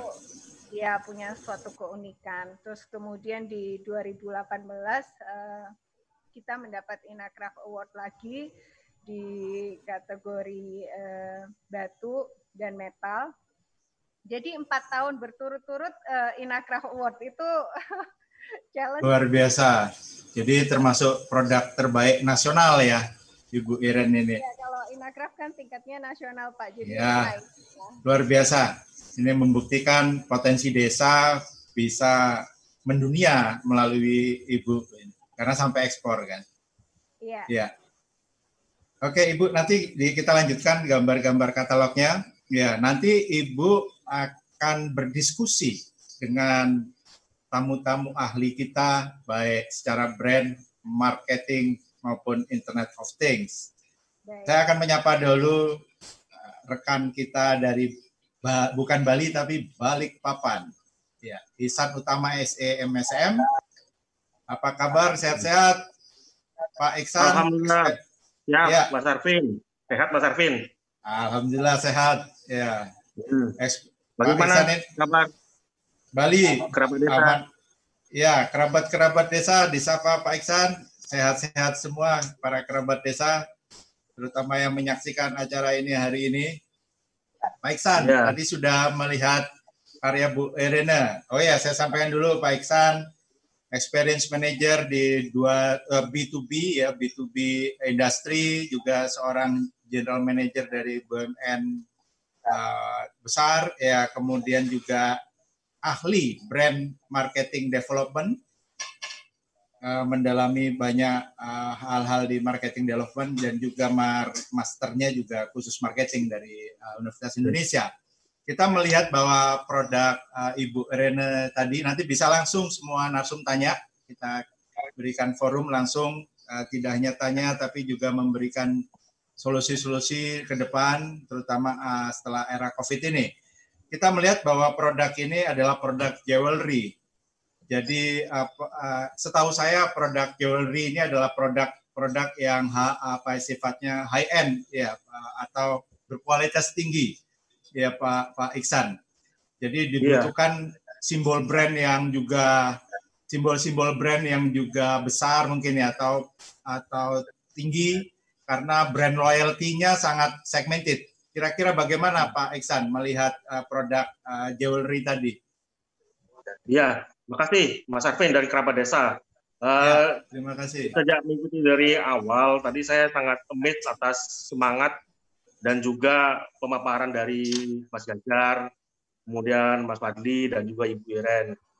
Memang eh, tahun 2010 ke belakang ini sangat berbeda ya Mas Arvin dengan zaman Iya. kita waktu kita masih sekolah SMP maupun Iya. SMA. Oh, ya. Karena memang sekarang itu semuanya serba eh, dikemas dalam bentuk eh, branding. Nah, memang eh, kalau misalnya kita bicara secara teori, eh, yang namanya branding itu kan merupakan ruh ya, merupakan ruh daripada Oke. eh, produk itu sendiri. Nah, Ruhnya, kemudian ya. juga kalau dari sisi konsep dan teori juga brand itu dimulai dari eh, pengenalan eh, masyarakat atau umum terhadap produk tersebut, kemudian yang kedua asosiasi yang terbentuk, kemudian yang ketiga eh, benefit maupun eh, manfaat yang dirasakan oleh pada customer tersebut dan sampai dengan akhirnya menjadi brand karakter. Nah, brand karakter. Kemudian kalau misalnya kita lihat ya yang saya sampaikan tadi dari tahun abad milenial sekarang ya Mas Arvin ya. Iya, abad iya. milenial ini memang eh, eh, brand itu eh, sekarang itu tidak hanya eh, barang yang di, di apa tidak hanya barang yang menjadi manfaat daripada yang dirasakan oleh customer, tetapi bagaimana terbentuk dari asosiasi maupun dari emosi daripada daripada pelakunya. Dan untuk produk Manika sendiri ini kan adalah produk jewelry. Jewelry yang sebetulnya kalau kita lihat itu sangat segmented, targeted, segmented gitu. Nah, ya. ada plus minusnya tentunya Mas Arvin ya. Pertama itu ya. adalah dari sisi market tidak semuanya orang bisa masuk. Kemudian yang kedua eh, dari sisi eh, dari sisi kategorinya hmm. tidak uh, tidak semua orang yang uh, apa istilahnya yang merasakan manfaat dari sisi fungsional, tetapi lebih ke arah emosional. Nah, hal-hal okay, ini yang bisa dieksplor oleh Manika, gitu ya. Jadi memang uh, grade-nya itu bukan dari bukan dari sisi benefit secara produk, tapi dari sisi emosional secara produk brand tersebut. Okay, Kemudian ada ada ada keuntungan juga untuk produk uh, jewelry seperti ini Hmm. Kalau misalnya kita bicara secara konsep, tentunya apabila barang itu mudah untuk dimasuki, segmen targetnya mudah untuk dimasuki, hmm. maka akan begitu banyak pesaing gitu Mas Arvin ya, rekan-rekan okay, okay. semua ya. Tetapi okay. kalau untuk jewelry ini tentunya termasuk yang segmented dan akan lebih susah untuk dimasuki karena oh, okay. uniqueness maupun emosional sendiri yang sangat terkait sangat terkait dengan uh, emosional pemakainya tersebut. Nah, sebetulnya dari Manika tersendiri sudah sangat apa sangat uh, sangat intens atau juga sangat, uh, embodied ya dengan dengan customernya. Tetapi mungkin uh, di dalamnya dari Ibu Eren bisa membuat grading gitu ya Bu ya, membuat grading untuk customer-customer yang bisa disegmentasikan secara perilaku, kemudian secara geografis, maupun juga eh, masukan-masukan daripada customer-customer yang uh, pernah Ibu temui selama produk ini berjalan atau brand ini berjalan. Nah, akan tetapi tentunya apabila produk uh, produk daripada Manika ini begitu apa namanya begitu eksklusif, tentunya ekstensi daripada brand tersebut akan menjadi lebih sempit ya ekstensi. Jadi kalau brand itu kan bisa ditarik ke samping maupun ditarik ke atas. Nah, okay. uh, eh, tentunya strategi yang bisa dipakai oleh produk Manika ini adalah bagaimana ekstensifikasi brand tersebut ke kiri dan maupun ke kanan, gitu ya. Oke. Okay. Keseimbangan ya. Iya betul. Daripada ditarik ke atas maupun ke bawah, karena ini uh, brand untuk produk Manika ini sangat-sangat uh, eksklusif gitu ya. Ya tadi uh, pertama yang bisa disimpulkan adalah untuk produk seperti Manika ini uh, tadi uh, sangat terkait atau sangat terkait dengan embodied uh, emosional apa emosional dari pemakainya. Kemudian yang kedua juga termasuk uh, segmen market yang tidak semua orang bisa masuk, tetapi untuk uh, memperluas variannya juga semakin sempit. Oleh sebab itu uh, strategi brand yang dipakai itu adalah spesifikasi. Nah, okay. kemudian apabila dibandingkan dengan uh, geografi uh, wilayah lain, tentunya Bali ini kan punya ini ya punya unggulan, unggulan komparatif. Karena kalau kita lihat dari sisi seni hanya Bali, kemudian Jogja, Bandung dan yang mempunyai kegiatan komparatif seperti ini. Nah, dan kalau di kita Mas Arvin sebetulnya ya. sangat membuka kemitraan kemitraan untuk UKM UKM yang okay. apa ingin membangun ataupun untuk mengembangkan brandnya. Cuman saya tadi betul-betul ingin belajar dari Pak dari Mas Fadli mengenai ya. landing page, kemudian bagaimana mendapatkan customer seperti itu tadi menurut saya itu sangat menarik ya. Mungkin suatu ya. saat yang mitra-mitra binaan dari yeah. tempat kami berkarya ini akan minta tolong Mas Fadli lah kalau seperti itu. Wah, terima kasih. Iya. Iya. ya. Mungkin itu Mas. Iya, nanti kita lanjut lagi uh, Pak Iksan. Jadi uh, yang saya cerna dari Pak Iksan bahwa produk jewelry Ibu Iren ini uh, sangat segmented. Iya, tapi itu adalah sebuah keuntungan. Keuntungan uh, kompetitor tidak terlalu banyak, tapi walaupun begitu tetap masih mungkin tetap masih ada kompetitornya ya. Nah, kuncinya adalah uh, karena produk ini dari desa, ya kuncinya mungkin adalah mempertahankan uh, tradisi, ya. Tapi bagaimana terus berinovasi daripada bentuk-bentuk uh, style desainnya tadi mungkin, mungkin ini akan menjadi kunci uh, produk kreatifnya untuk mendunia yang uh, disampaikan oleh Pak Iksan, ya. Dan ya. juga uh, tadi kalau saya cerita dari Pak Iksan bahwa produk jewelry ini ya karena merupakan produk yang sangat apa uh, segmented, ya. Mungkinkah uh, produk ini saya mungkin tidak perlu menyebut merek tapi mungkin kalau di dalam produk fashion banyak sekali merek-merek yang sangat luar biasa terkenal berpuluh-puluh tahun dari masa ke masa ada hmm. di mall-mall ya dan menjadi merek yang mendunia. Mungkinkah uh, produk uh, Ibu Eren ini walaupun dari pengrajin desa akan menjadi simbol brand superior sama seperti produk-produk uh, dunia itu yang kita banyak lihat di mall-mall itu. Uh, Pak Iksan bagaimana kira-kira? Iya, tentunya sangat mungkin sekali Mas Arvin, terutama mungkin, ya. pada pada abad sekarang seperti ini di mana semuanya itu serba online, borderless, semua bisa memanfaatkan media sosial dan juga yeah. bisa memanfaatkan daripada endorser.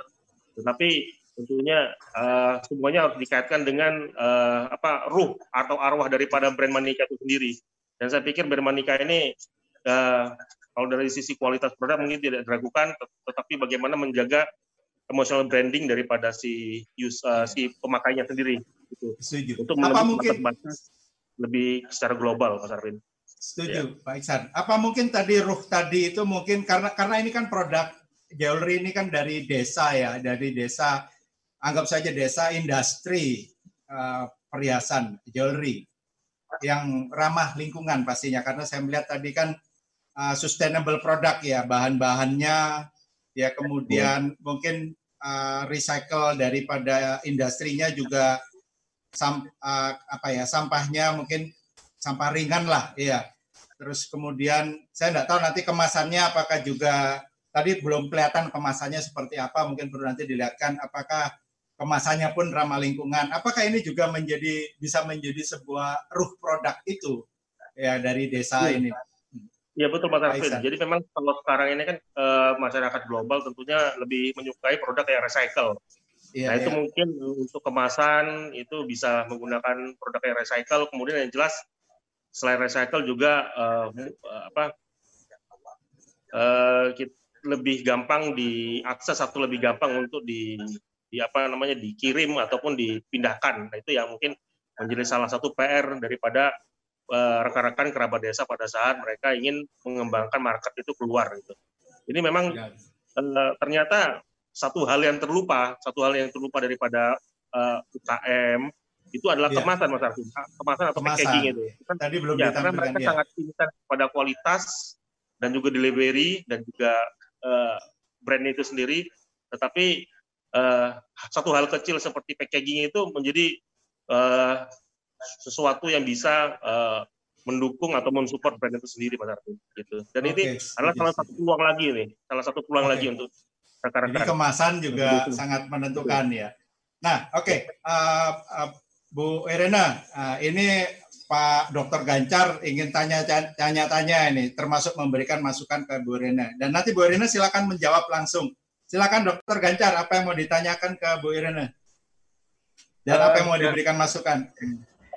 Tidak bertanya sih, Pak. Malah saya sebetulnya memberikan apresiasi uh, kepada okay. apa yang dilakukan Bu Irena karena yang saya lihat tadi Bu Irena ada story yang luar biasa tadi dimunculkan bagaimana memulai bisnisnya itu. Cuman bagaimana mendramatisir cerita itu mungkin lebih dimunculkan lagi uh, storytelling ya. perjuangannya, iya perjuangan okay. si apa ayah ini. Uh, iya, yang cerita di pantai tadi ya. Betul. Dan kemudian ada diferensiasi produk yang juga luar biasa diceritakan. Tadi disampaikan diferensiasi. Kalau yang lain perak itu sudah banyak. Nah ini kemudian mencoba membuat dari kuningan dan uh, batu yang kemudian model batunya uh, tenos itu ya juga sudah banyak yang bikin gitu kan. Nah ini okay. bukan batu yang kemudian dihalus, tapi kemudian batu yang masih unfinished. Nah ini hal yang menjadi diferensiasi. Nah, cuman memang uh, saya sampaikan tadi bahwa cerita-cerita ini kemudian mungkin bisa lebih digali lagi, termasuk bagaimana batu itu didapatkan asal usulnya dari Oke. tempat yang seperti Story- apa. Kembali ke storytelling ya. Oke. Ya, prosesnya kemudian warna apa eh, makna dari warna merah, warna biru untuk di tradisi-tradisi di Bali mungkin bisa lebih diungkapkan lagi. Saya yakin Bu Irena lebih paham tentang itulah tentang masalah eh, makna pewarnaan dan sebagainya. Nah, saya kira itu sehingga Iya. cerita-cerita ini yang mungkin eh, mungkin bisa digali dari mana sih dapat ide misalnya untuk membuat eh, dari unfinished stone-nya tadi. Oke, digali Bisa lagi menjadi seperti sebuah itu cerita gitu ya. loh. Oke. Eh, seperti apa kira-kira ya Bu Irana kok bisa punya ide seperti itu? Itu tidak Ya. terpikir oleh saya soalnya Pak Arvin bahwa sesuatu yang unfinished itu bisa kemudian dijual dengan harga yang tinggi gitu. Iya, luar biasa itu Ya, gebrakannya. bagaimana kemudian punya ide seperti itu? Mungkin boleh tahu Bu Irana. Ya, Bu Irena silakan menjawab. Sebelum menjawab Pak Ganjar, eh, tadi eh, Pak eh, Dr. Iks- eh, Iksan menanyakan bentuk kemasannya seperti apa. Tampilkan bisa eh, bentuk kemasannya juga. Apakah bagian sustainable product juga? Eh, silakan Bu Irena. Iya, terima kasih eh, Pak Arvin, terima kasih Ya. Pak Ganjar dan Pak Ihsan tadi Ihsan. ya. Ya, Memang eh, untuk kemasan eh, benar banget Pak pada saat eh, produk dikeluarkan itu kemasan hanya kami eh, taruh di pouch eh, Oke.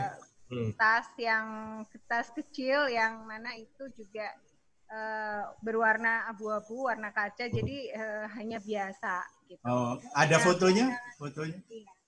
Belakangan ini saya bekerja sama dengan perajin kain endek di eh, Buleleng Oke. karena dia produksi baju eh, baju endek dan memang dia penjual kain endek. Saya Ya. bilang itu sisa-sisa potongan baju dikemanain? Saya bilang gitu. Oke, oke.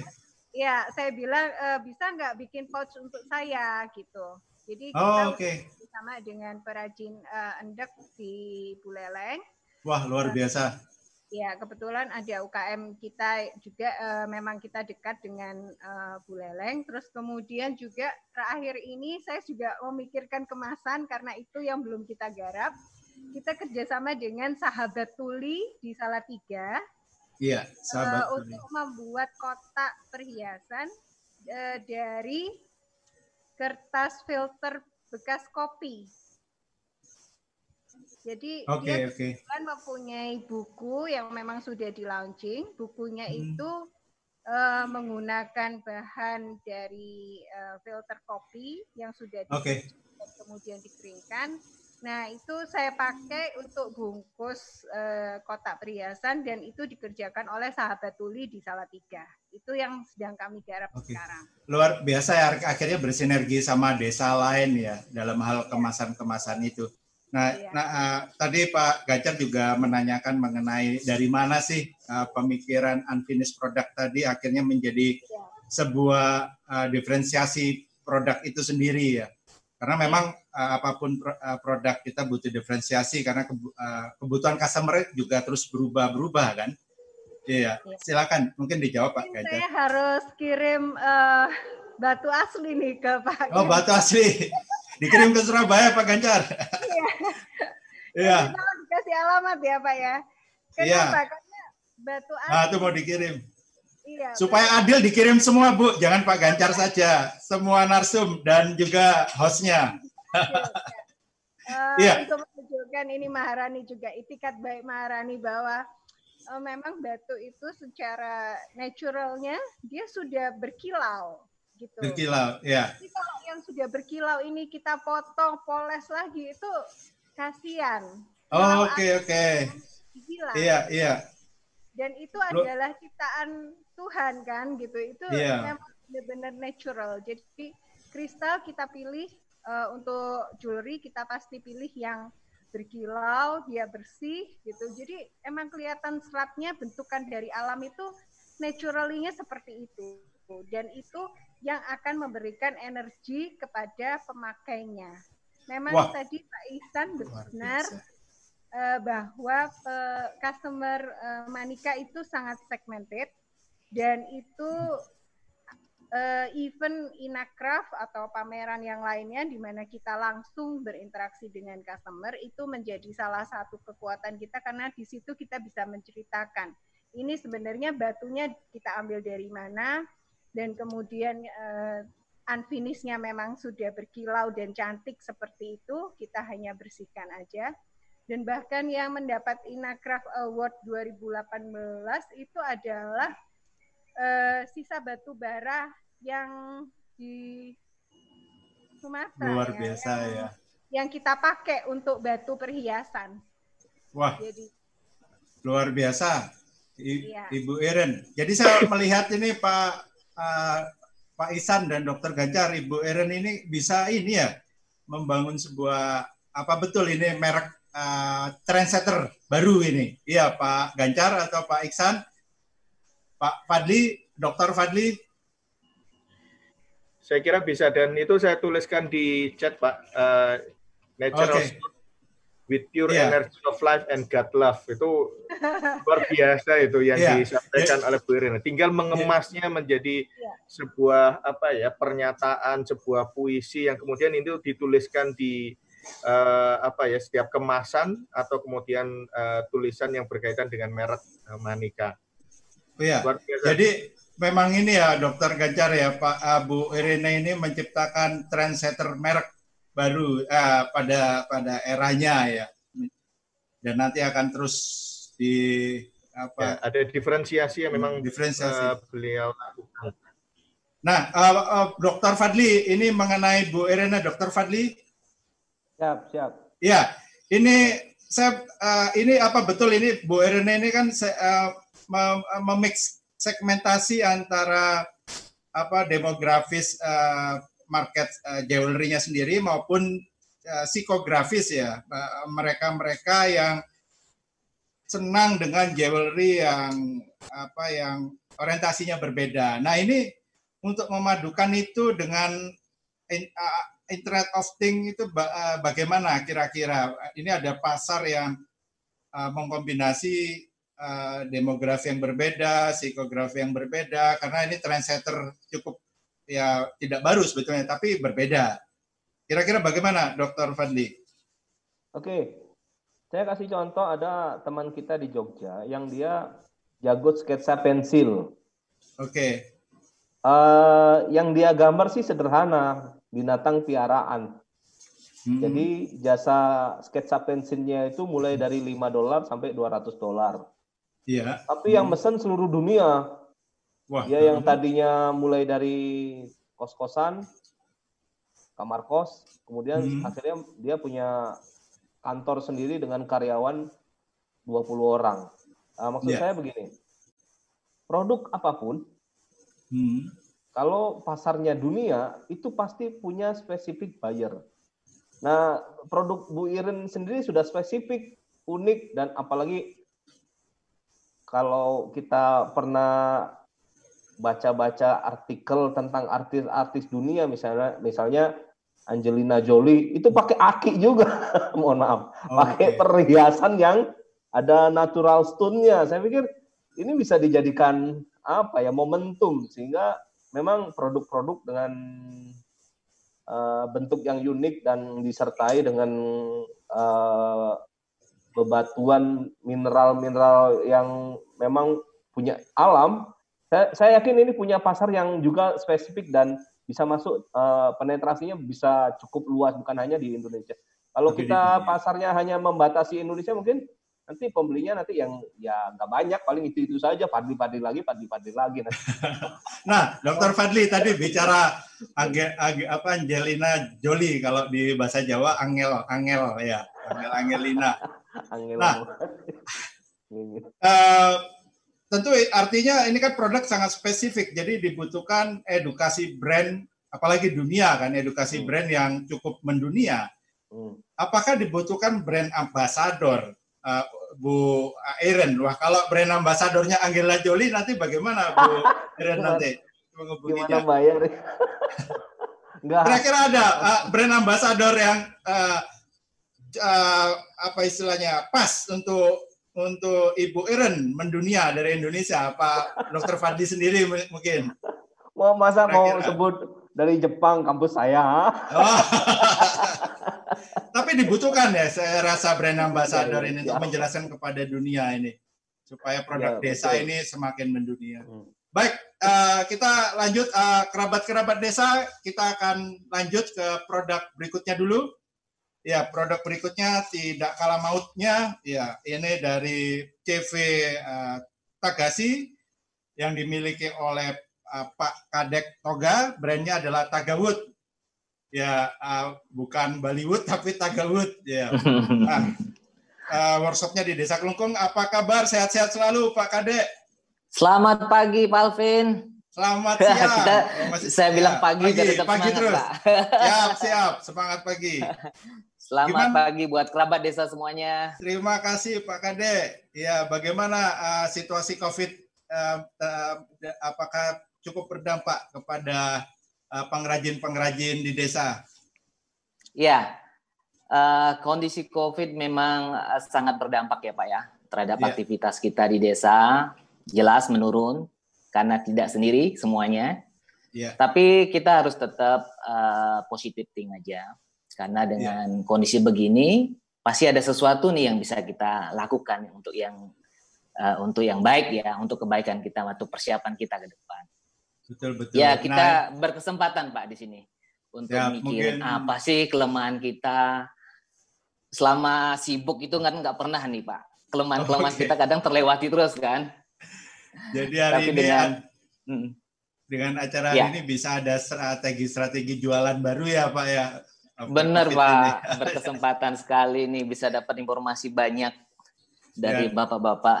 Iya, ada eh, solusi-solusi co-branding juga tadi dari Bapak Iksan ya. Ditantang Betul. tadi dari eh, dari institusinya nanti bisa Iya. ngobrol di belakang setelah Baik acara. Pak. Nah, oke, silakan eh, Pak Kadek eh, memunculkan dulu ini produknya yang membuat kerabat desa pemasa- penasaran ini, termasuk saya juga penasaran. Silakan, silakan.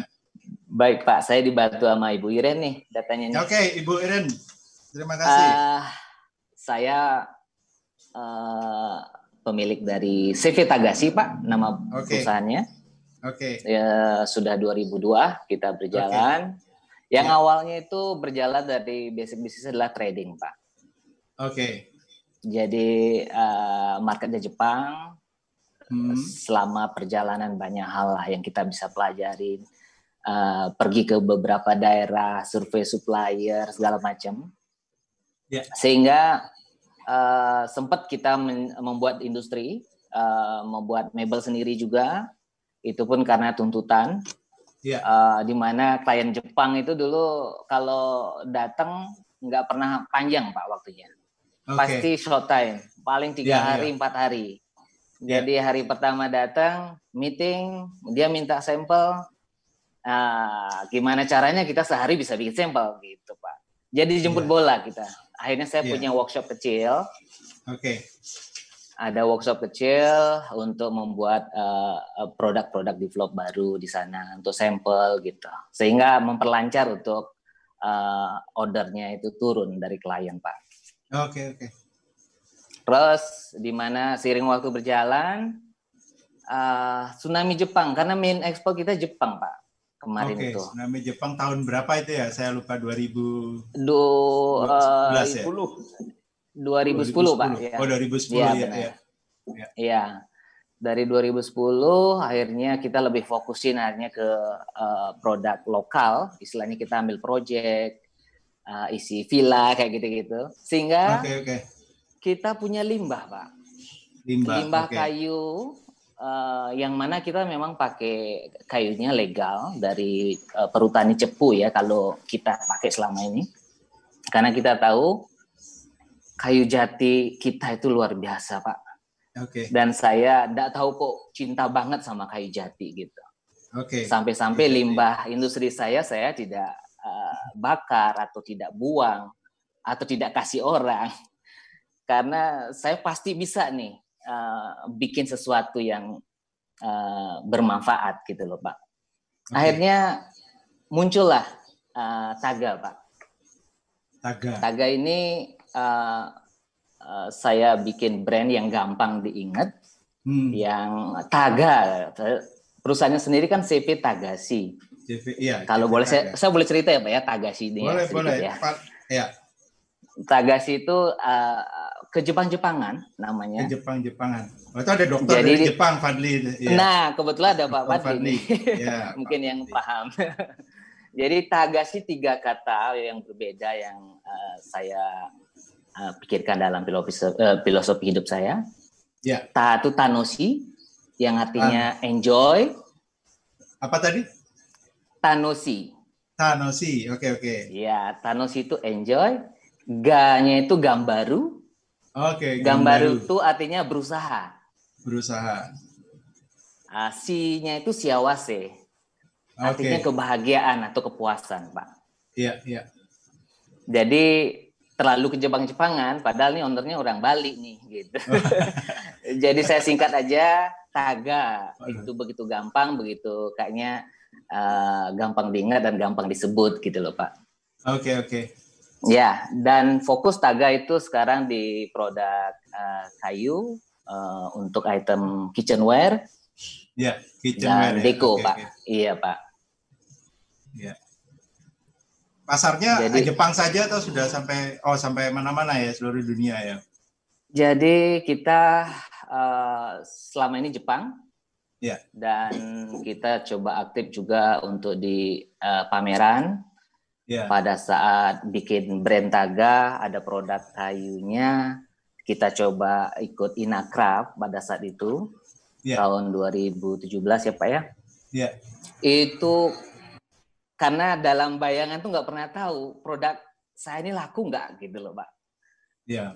Tapi ternyata pasar menilai luar biasa Pak. Wah. Sampai mengantre-ngantre gitu orang belanja di booth. Dan itu yeah. satu hal yang membuat saya tuh oh begini antusias ya uh, orang-orang terhadap produk kayu gitu. Jadi sehingga menambah semangat saya lagi nih Pak untuk uh, apa namanya lebih memfokuskan lagi produk-produk okay. yang kita buat. Dan kita uh, akan aktif Pak di pameran-pameran untuk oh, iya. menambah lagi pangsa pasar lain Pak. Ini workshop di Klungkung ya, Desa Klungkung. Di Klungkung ya? Pak, betul. Okay, okay. Jadi kita pakai tenaga kerjanya 70 persennya itu ibu-ibu Pak. Ibu-ibu, wah luar biasa. Ya, ada ibu-ibu, ya, ya. ya 70 dari 50 orang 70 persennya ya sekitar. Memberdayakan ibu-ibu. Iya, karena di kampung itu di kampung itu kan ibu-ibu uh, pekerjaan juga nggak terlalu banyak ya Pak ya. Apalagi ya, ya. kalau suaminya pas ditinggal kerja merantau ke kota gitu. Iya, iya. Ibu-ibunya nggak ada pemasukan. Jadi paling nggak keberadaan kita di desa ada manfaatnya lah buat orang-orang di desa gitu loh Pak. Wah luar biasa, luar biasa. Iya. Silakan. Ya ini, okay. uh, ini salah satu produk ya. kita.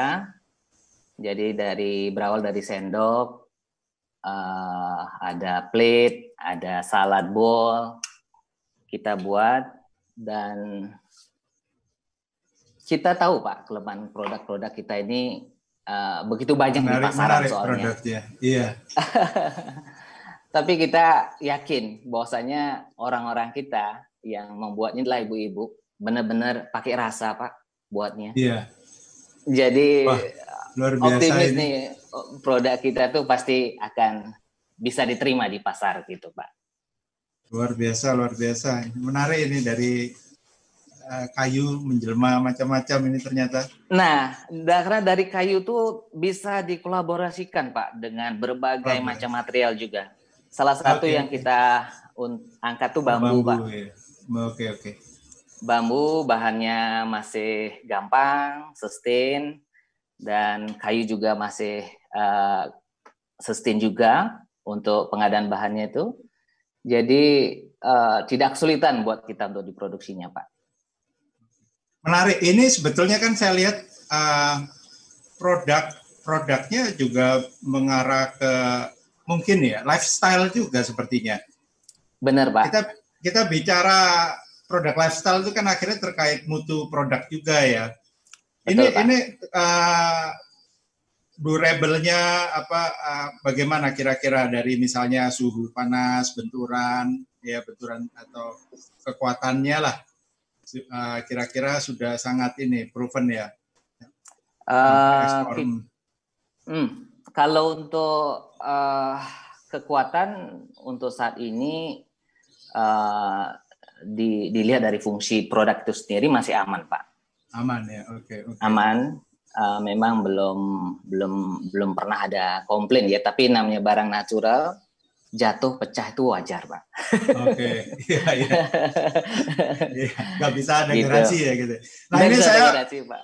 saya ingin minta pendapat dari eh, Pak Iksan Utama mungkin bisa menjadi UKM binaannya ini ya dari enterprise-nya Pak Iksan ini kira-kira apa yang ditanyakan dan pendapatnya seperti apa ini produk yang eh, sangat menarik seperti ini silakan eh, Pak Iksan Mas Iksan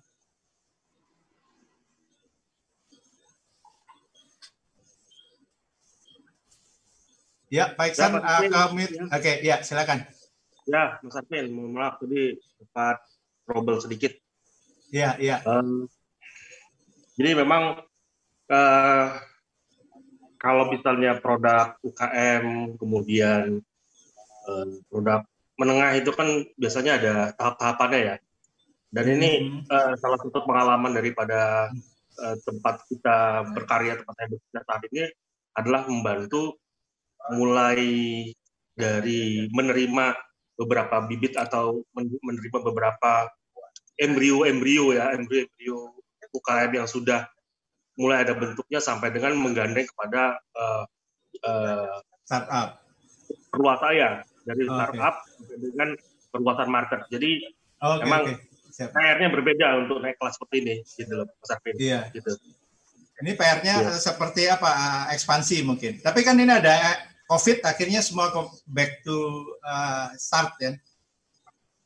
Iya, betul. Sebetulnya COVID ini memang eh, menjadi salah satu tahapan untuk kita berpikir lebih kreatif lagi. Gitu. Pasti kita kan juga tidak mungkin untuk eh, berdiam diri ya. Tetapi eh, apa namanya eh, kemarin dari hasil diskusi beberapa rekan-rekan di pelaku UKM yang ikut dikembangkan oleh eh, tempat kami berkarya ini eh, saat ini mereka malah lebih banyak waktu untuk berkontemplasi maupun untuk apa, eh, saling menjalin eh, apa saling menjalin eh, relasi dengan sesama yang mempunyai keminatan yang sama. Jadi Oke, memang pergerakan untuk untuk penjualan maupun marketing maupun untuk mobilisasi sangat turun Mas Arvin. Tetapi Iya, untuk iya.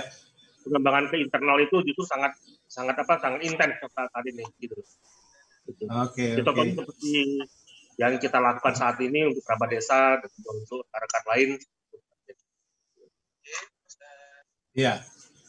Terima kasih eh, Pak Iksan. Nah, ini saya mau tanya ke Pak Ganjar ap- ada masukan tidak kepada Pak Kadek ya? Oke. Yang pertama, eh, saya ingin mengomentari dulu, bukan masukan, tapi mengomentari dari apa yang menjadi local wisdom orang Indonesia nih. Dan itu berbeda Local dengan wisdom. Orang oke. Barat ya. Dalam Iya, melakukan branding. Bahwa kalau Shakespeare kan Shakespeare bilang apalah arti sebuah nama. Mawar dikasih nama apa pun ya tetap wangi gitu kan yang Iya, iya, iya. Bagi orang betul. Indonesia apa orang eh, Indonesia khususnya nama itu ada artinya. Dan Bagaimana bukan nama hanya sekedar nama Iya. bukan hanya sekedar artinya, tapi nama juga bisa menjadi doa.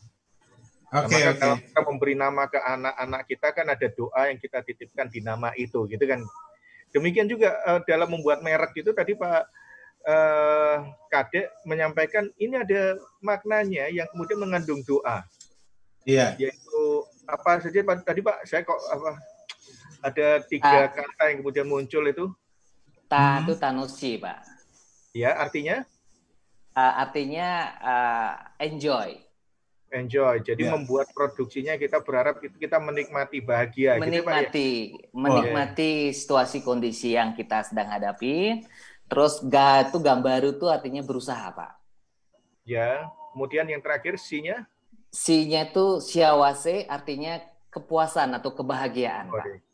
Nah, berarti berusaha dengan gembira dan memuaskan. Eh, dan ya. ini menjadi semangat dan doa yang dimunculkan oleh Pak Kadek nih dari ya. yang dimunculkannya.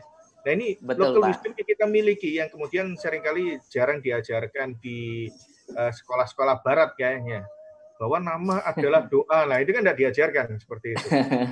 Iya. nah, itu yang pertama. Yang kedua adalah kayu jati Indonesia itu kalau tidak salah kan terbaik di dunia sebetulnya Pak Kadir Betul ya? Pak. Ya, Betul Pak.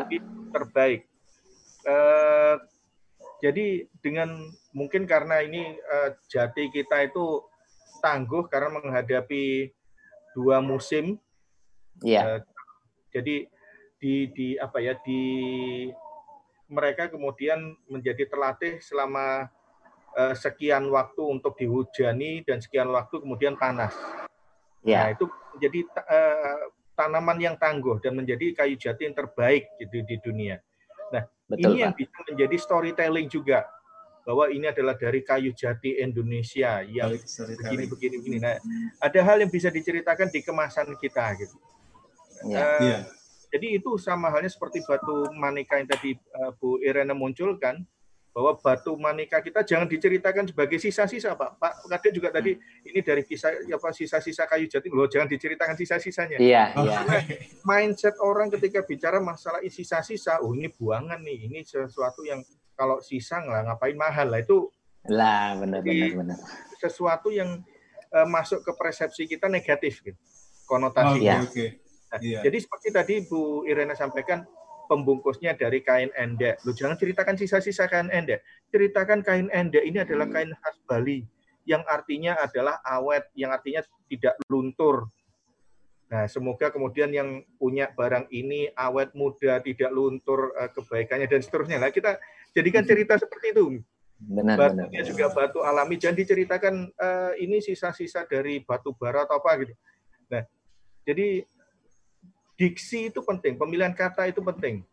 Karena itu mengandung eh, apa ya? sesuatu positif bagi diri kita. Kalau dalam bahasa psikologinya kan ini neurolinguistic programming. Kita mendrive mindset positif atau negatif. Tadi makanya SWOT itu kan saya mengganti dengan SPOK karena ada dua kata negatif di situ, Pak Arvin. Weakness yeah, dan yeah. itu ada dua kata negatif. Jadi saya ganti semua menjadi kata, kata yang positif, strength, potential strength, opportunity, dan challenge.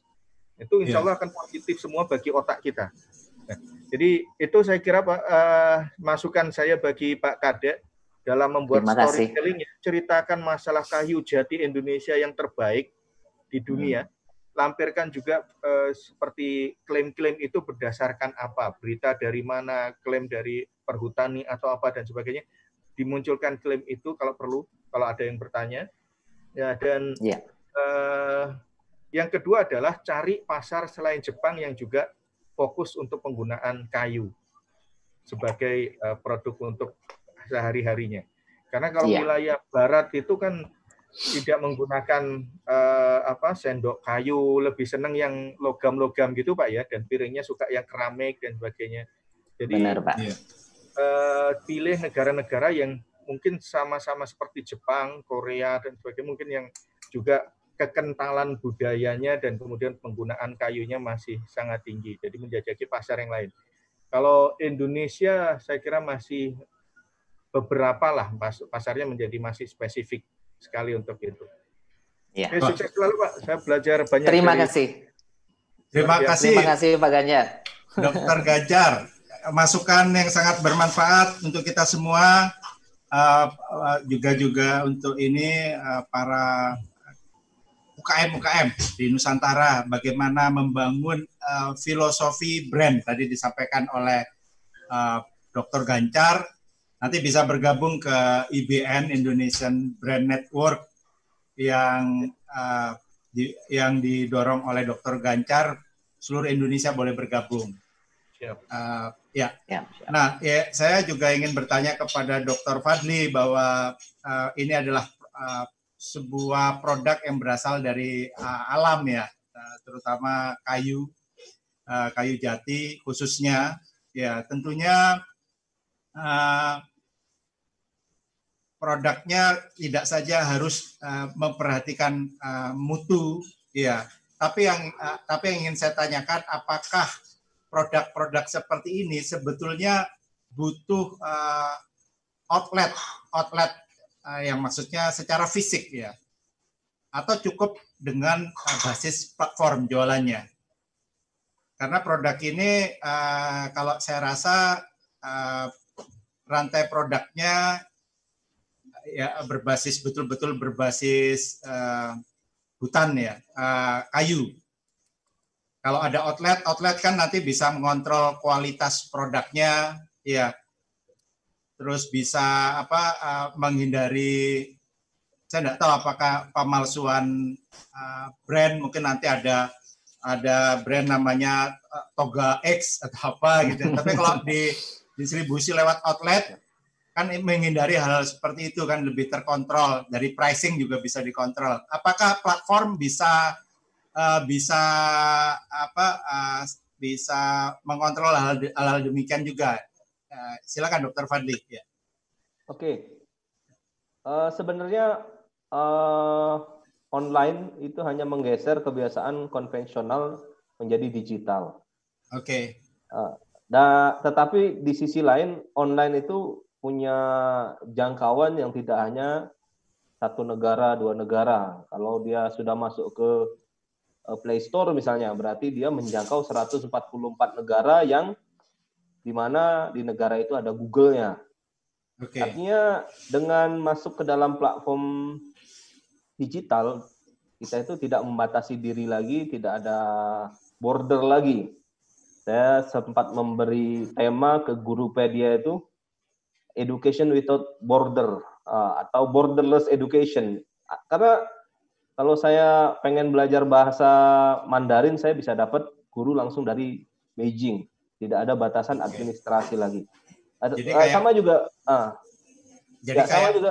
Uh, ya, gimana? Mau ngomong? Silakan. Kayak pro, produk without outlet gitu ya kira-kira. Uh, tetapi kalau produknya Pak Made ini kan yeah. memang spesifik ya buat spesifik, spesifik. Ya, hmm. uh, Bali itu sudah branding yang luar biasa. Kita nggak sudah okay, nggak okay. sebut nggak sebut Indonesia tapi sebut Bali dunia ngerti. Tapi kalau sebut Indonesia, ah di mana tuh sebelah mananya Pulau Fiji, ah, kan kacau juga.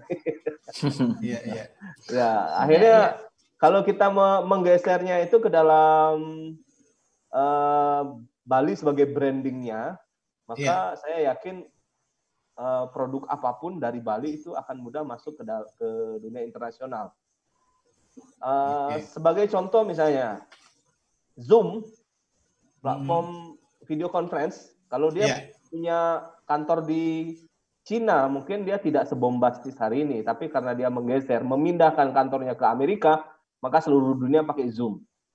Karena kenapa? Untuk punya perusahaan di Amerika itu semudah-mudahnya saat kita punya akun akun Gmail kita cukup mendaftar lalu memverifikasi bahwa kita memang warga negara di muka bumi.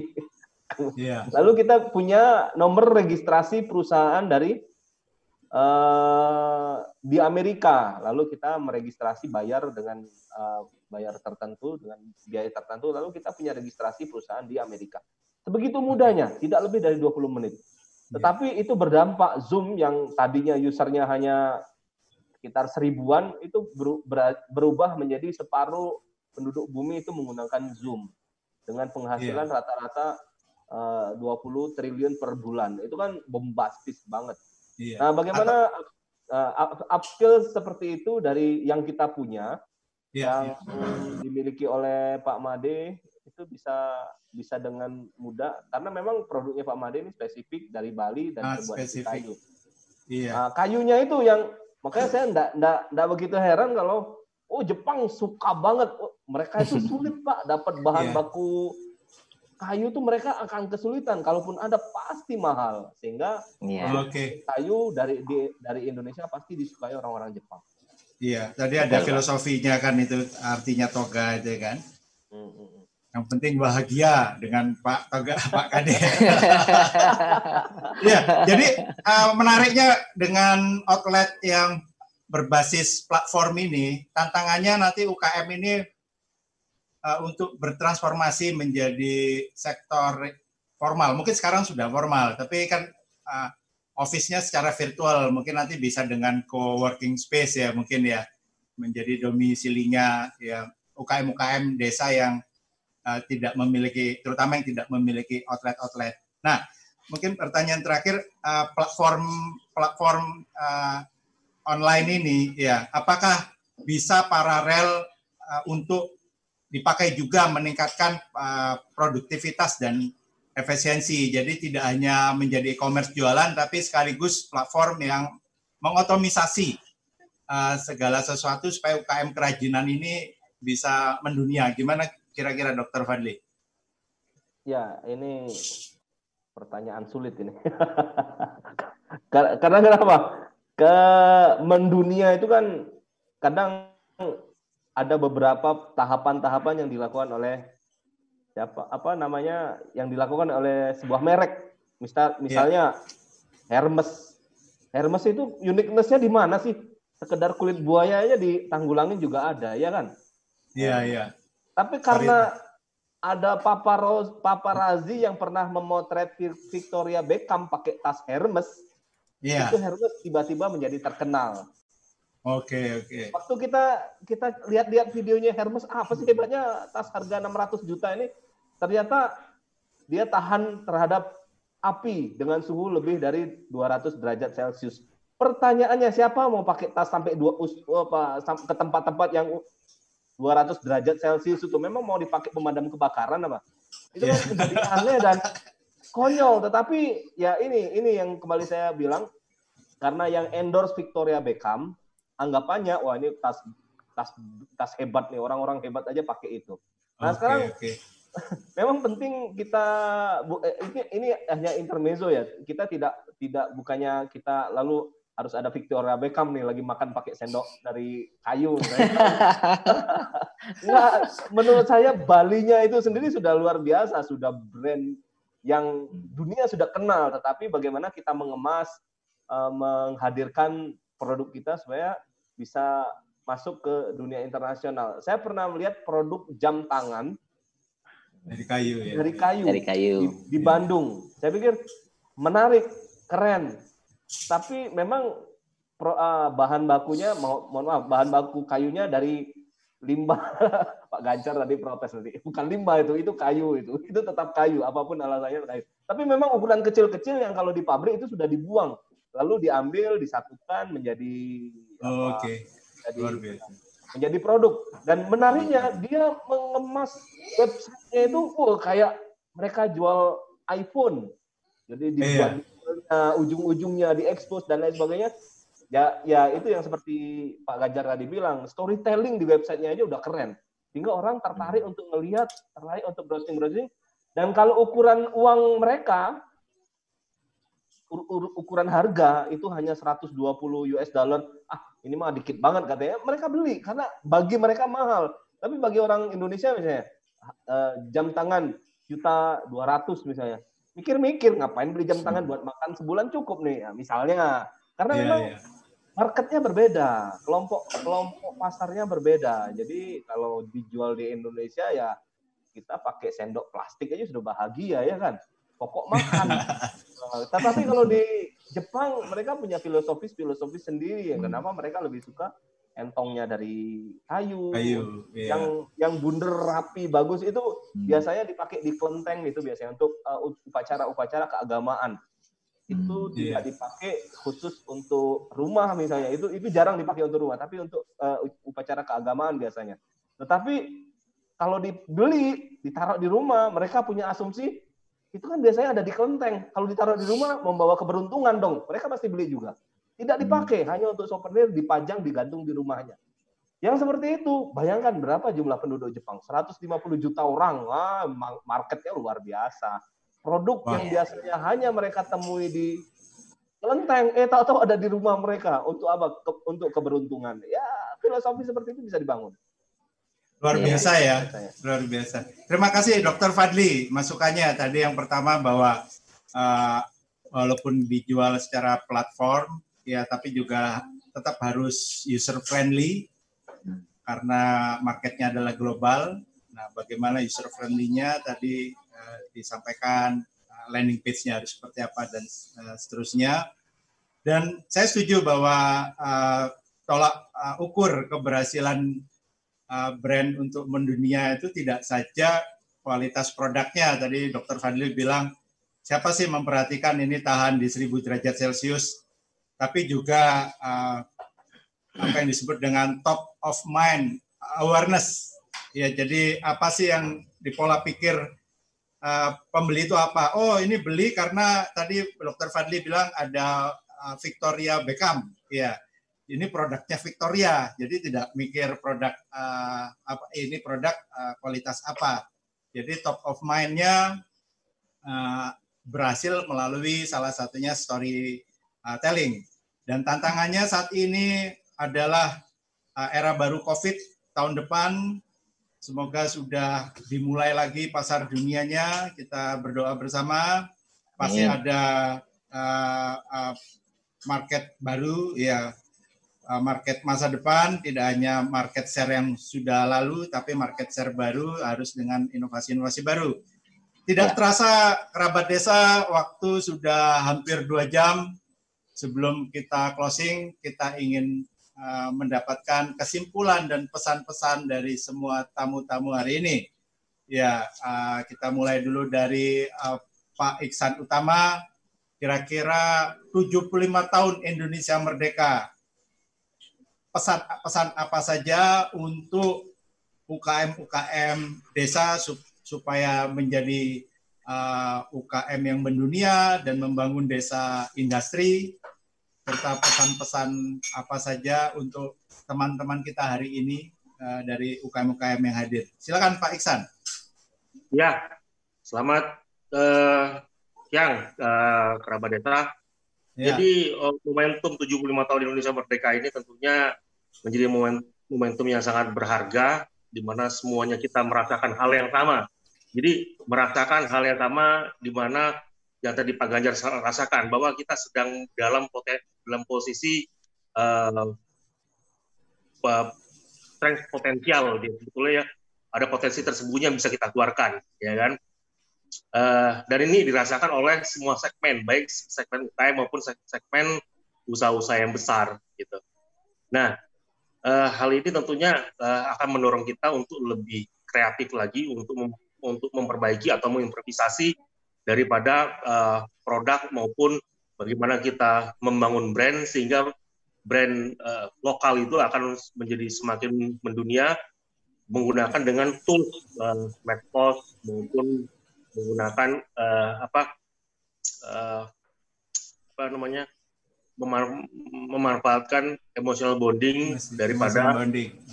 kemerdekaan eh, RI yang ke-75 ini. Identity itu yang harus kita pegang dan yang kita bisa kita kembangkan. Mungkin itu Mas Arvin uh, yang bisa saya sampaikan dan semoga ya. di, uh, dari perusahaan-perusahaan besar ataupun dari BUMN karya atau segala macam bisa saling membantu dengan pelaku-pelaku UKM di semua uh, kota di Indonesia. Gitu. Ya, terima kasih. Dan semoga terima kasih Pak Iksan dan semoga juga UKM produk bisa mendorong wisata Bali kembali dan juga wisata ya, Indonesia, Creative Products Indus Tourism. Ya, ya. Uh, Pak Pak Ganjar, Dokter Ganjar, silakan memberikan pesan-pesan. Baik, uh, kemerdekaan ya berkaitan dengan kemerdekaan Indonesia. Uh, seniman itu biasanya bicara masalah idealisme untuk berkreasi. Dia ingin apa, ya wes itu yang kemudian dia buat. Sedang dunia bisnis biasanya adalah menyesuaikan dengan kondisi pasar. Nah, okay. seniman yang pebisnis ini berada di dunia di dua dunia, di mana dia mengeluarkan ekspresinya, membebaskan ekspresinya untuk berbuat sesuatu, menciptakan sesuatu, tapi di sisi lain sebagai pebisnis dia juga harus memikirkan kepentingan pasar juga. Nah, ini yang menarik bahwa kemerdekaan yang dimiliki oleh uh, para seniman pebisnis kita hari ini, Bu Irena dan Pak Kadek, ini yang kemudian luar biasa untuk kita jadikan panutan untuk menjadikan bagaimana mereka menunjukkan kreativitas mereka, tapi juga kemudian punya nilai jual yang tinggi. Nah, sebagai penutup, kembali lagi yang menjadi kuotasi yang tadi saya munculkan, dunia tidak akan berhenti berputar bagi mereka yang kreatif. Dan salut kepada Bu Irena dan Pak Kadek yang selalu berkreasi untuk memberikan produk-produknya bagi dunia. Tinggal bagaimana kita membrandingkan baik produknya maupun personalnya. Jadi okay. Pak Kadek dan Bu Irena harus juga ada yang melakukan personal brandingnya untuk bisa dimunculkan personalnya. Itu juga sering kali kita terlupa untuk memasarkannya. Sukses ya. selalu, Bu ya. Irena. Luar luar biasa. Terima kasih, Pak Ganjar. Terima kasih, Dokter Gancar untuk hari ini pencerahan hari ini. Dokter Eng Fadli Usman, uh, silakan pesan-pesan untuk 75 tahun Indonesia Merdeka dan teman-teman UKM desa. Pesan yang tadi yang pakai batu natural nggak apa-apa boleh. Iya iya. Jadi begini bapak-bapak dan ibu-ibu sekalian, uh, usia 75 ini kan bukan usia yang sebentar ya, tetapi memang yang sedang kita bangun ini bagaimana tiap-tiap individu ini berperan untuk ikut yeah, yeah. Uh, ber memberikan yang terbaik bagi bangsanya. Yeah. Uh, kalau kita lihat dunia yang terjadi di media sosial itu yang mengeluh itu 99% yang yang ya berusaha untuk menjadi lebih baik itu hanya satu persen saja itu gimana bisa terjadi ya karena mungkin iklim pendidikan yang terbentuk di tempat kita adalah iklim protes bukan iklim untuk membuat produk. Maka okay. kalau kita perhatikan jangankan anak lulusan SMP atau lulusan SMA, lulusan universitas saja mereka orientasinya lulus cari kerja bukan mengkrit pekerjaan. Maka ini tugas saya sebagai dosen juga, tugas uh, Dr. Ganjar juga sebagai dosen itu bagaimana mulai menata di usia yang Indonesia yang sudah 75 tahun ini bagaimana lulusan universitas itu bukan 90% mencari kerja lagi tapi 90% menciptakan kerjaan baru sehingga yang 10% itu jadi karyawan yang mereka. Iya. Wah, luar biasa. Uh, uh, ya, apa pun, apa pun bisa mereka kerjakan, apa pun mereka bisa bantu. Kalau yang saya lihat di sekitar tempat tinggal saya itu di Batu hmm. uh, itu petani banyak sekali yang tidak tahu bagaimana cara menjual produk itu saya kasihan dan saya akhirnya membuat komunitas sendiri untuk membantu kegiatan-kegiatan petani ini. Supaya yang mungkin kemarin viral ya mereka buang-buang hasil sayurnya ke sungai. Itu kan konyol itu kan dijadiin pecel. Kenapa sih? Kan bisa dimakan yeah. sama kita. Kenapa harus yeah. dibuang-buang ke sungai? Uh, sehingga kita bagaimana dengan apa yang kita punya apa kemampuan yang kita punya membantu apa yang bisa kita bantu. Mudah-mudahan kita semua bisa memberikan karya terbaik untuk bangsa dan menjadi Indonesia lebih ya. uh, lebih makmur dan sejahtera. Terima kasih. Terima, ka terima kasih. Salam buat arek-arek Malang. Ya. Ibu Erena, silakan. Pesan-pesan. Ya, uh, dari saya uh, kata kuncinya hari ini adalah kolaborasi itu menjadi penting dan semakin penting untuk kita. Apalagi hari ini ternyata saya mendapat pencerahan dari Pak Ganjar, dari Pak Isan, dan juga dari Pak Fadli. Uh, dan terima kasih juga Pak Arvin. Ini katanya tadi kan ada kolaborasi, usulan kolaborasi untuk membuat story. Iya, uh, iya. Bukan UKM desa ya Pak ya. Uh, dan uh, dari saya uh, kata-kata tagline-nya adalah menyerah bukan pilihan. Oke, wah luar biasa. Terima kasih, terima kasih. Terima kasih Ibu Irina. Merdeka ya? Merdeka, merdeka Ibu Irina. ya, uh, ya yang terakhir Pak Kadek, Kadek Taga, apa ya. pesan-pesan 75 tahun merdeka? Jangan pernah menyerah, Pak. Oke, jangan pernah menyerah. Jangan pernah menyerah. Uh, kita uh, pahami bahwasanya perubahan itu selalu ada. Ya, terima kasih. Kita saat perubahan ini... itu selalu ada. Ya. Dan kita menyikapi perubahan itu dengan selalu positif okay. selalu uh, apa memanfaatkan hal-hal atau kesempatan untuk berbuat baik. Dari sisi bisnis pun begitu juga. Jadi kita bisa bergandeng tangan, ayo bergandeng tangan. Seperti kita punya produk pun kita bergandeng tangan dengan satu perusahaan yang di bambu, saya di kayu, saya bergandeng tangan menciptakan satu produk kolaborasi. Luar biasa. Kayu luar dan bambu. Jadi kita tidak bisa sendiri, Pak. Iya. Kalau gandengan tangan jangan lupa pakai desinfektan. Oh iya. Wah, luar biasa. Terima kasih Pak Kadek. Terima kasih semua rekan-rekan uh, narsum-narsum dan UKM UKM ya, uh, unggulan yang luar biasa hadir hari ini. Tidak terasa waktu sudah dua jam lebih sedikit. Tentunya sudah memberikan banyak pencerahan bagi kita semua dan juga kerabat-kerabat desa. Jangan lupa minggu depan Selasa di hari yang sama, jam yang sama, hadir kembali Talk with Arvin. Salah satu narsum hadir di sini Pak Sony Suputro. Saya sapa dulu Pak Sony Suputro. Ya, sampai jumpa minggu depan. Terima kasih semua. Terima kasih. Ya, terima kasih semua. Terima Mari kasih. kita sama-sama salam merdeka sebelum kita closing. Merdeka! Merdeka. Merdeka. Ya, terima kasih kerabat desa kasih, semua. Wassalamualaikum warahmatullahi wabarakatuh. Om Santi Santi Om. Om Salam sejahtera. Om. Namo Buddhaya. Terima kasih. Terima kasih.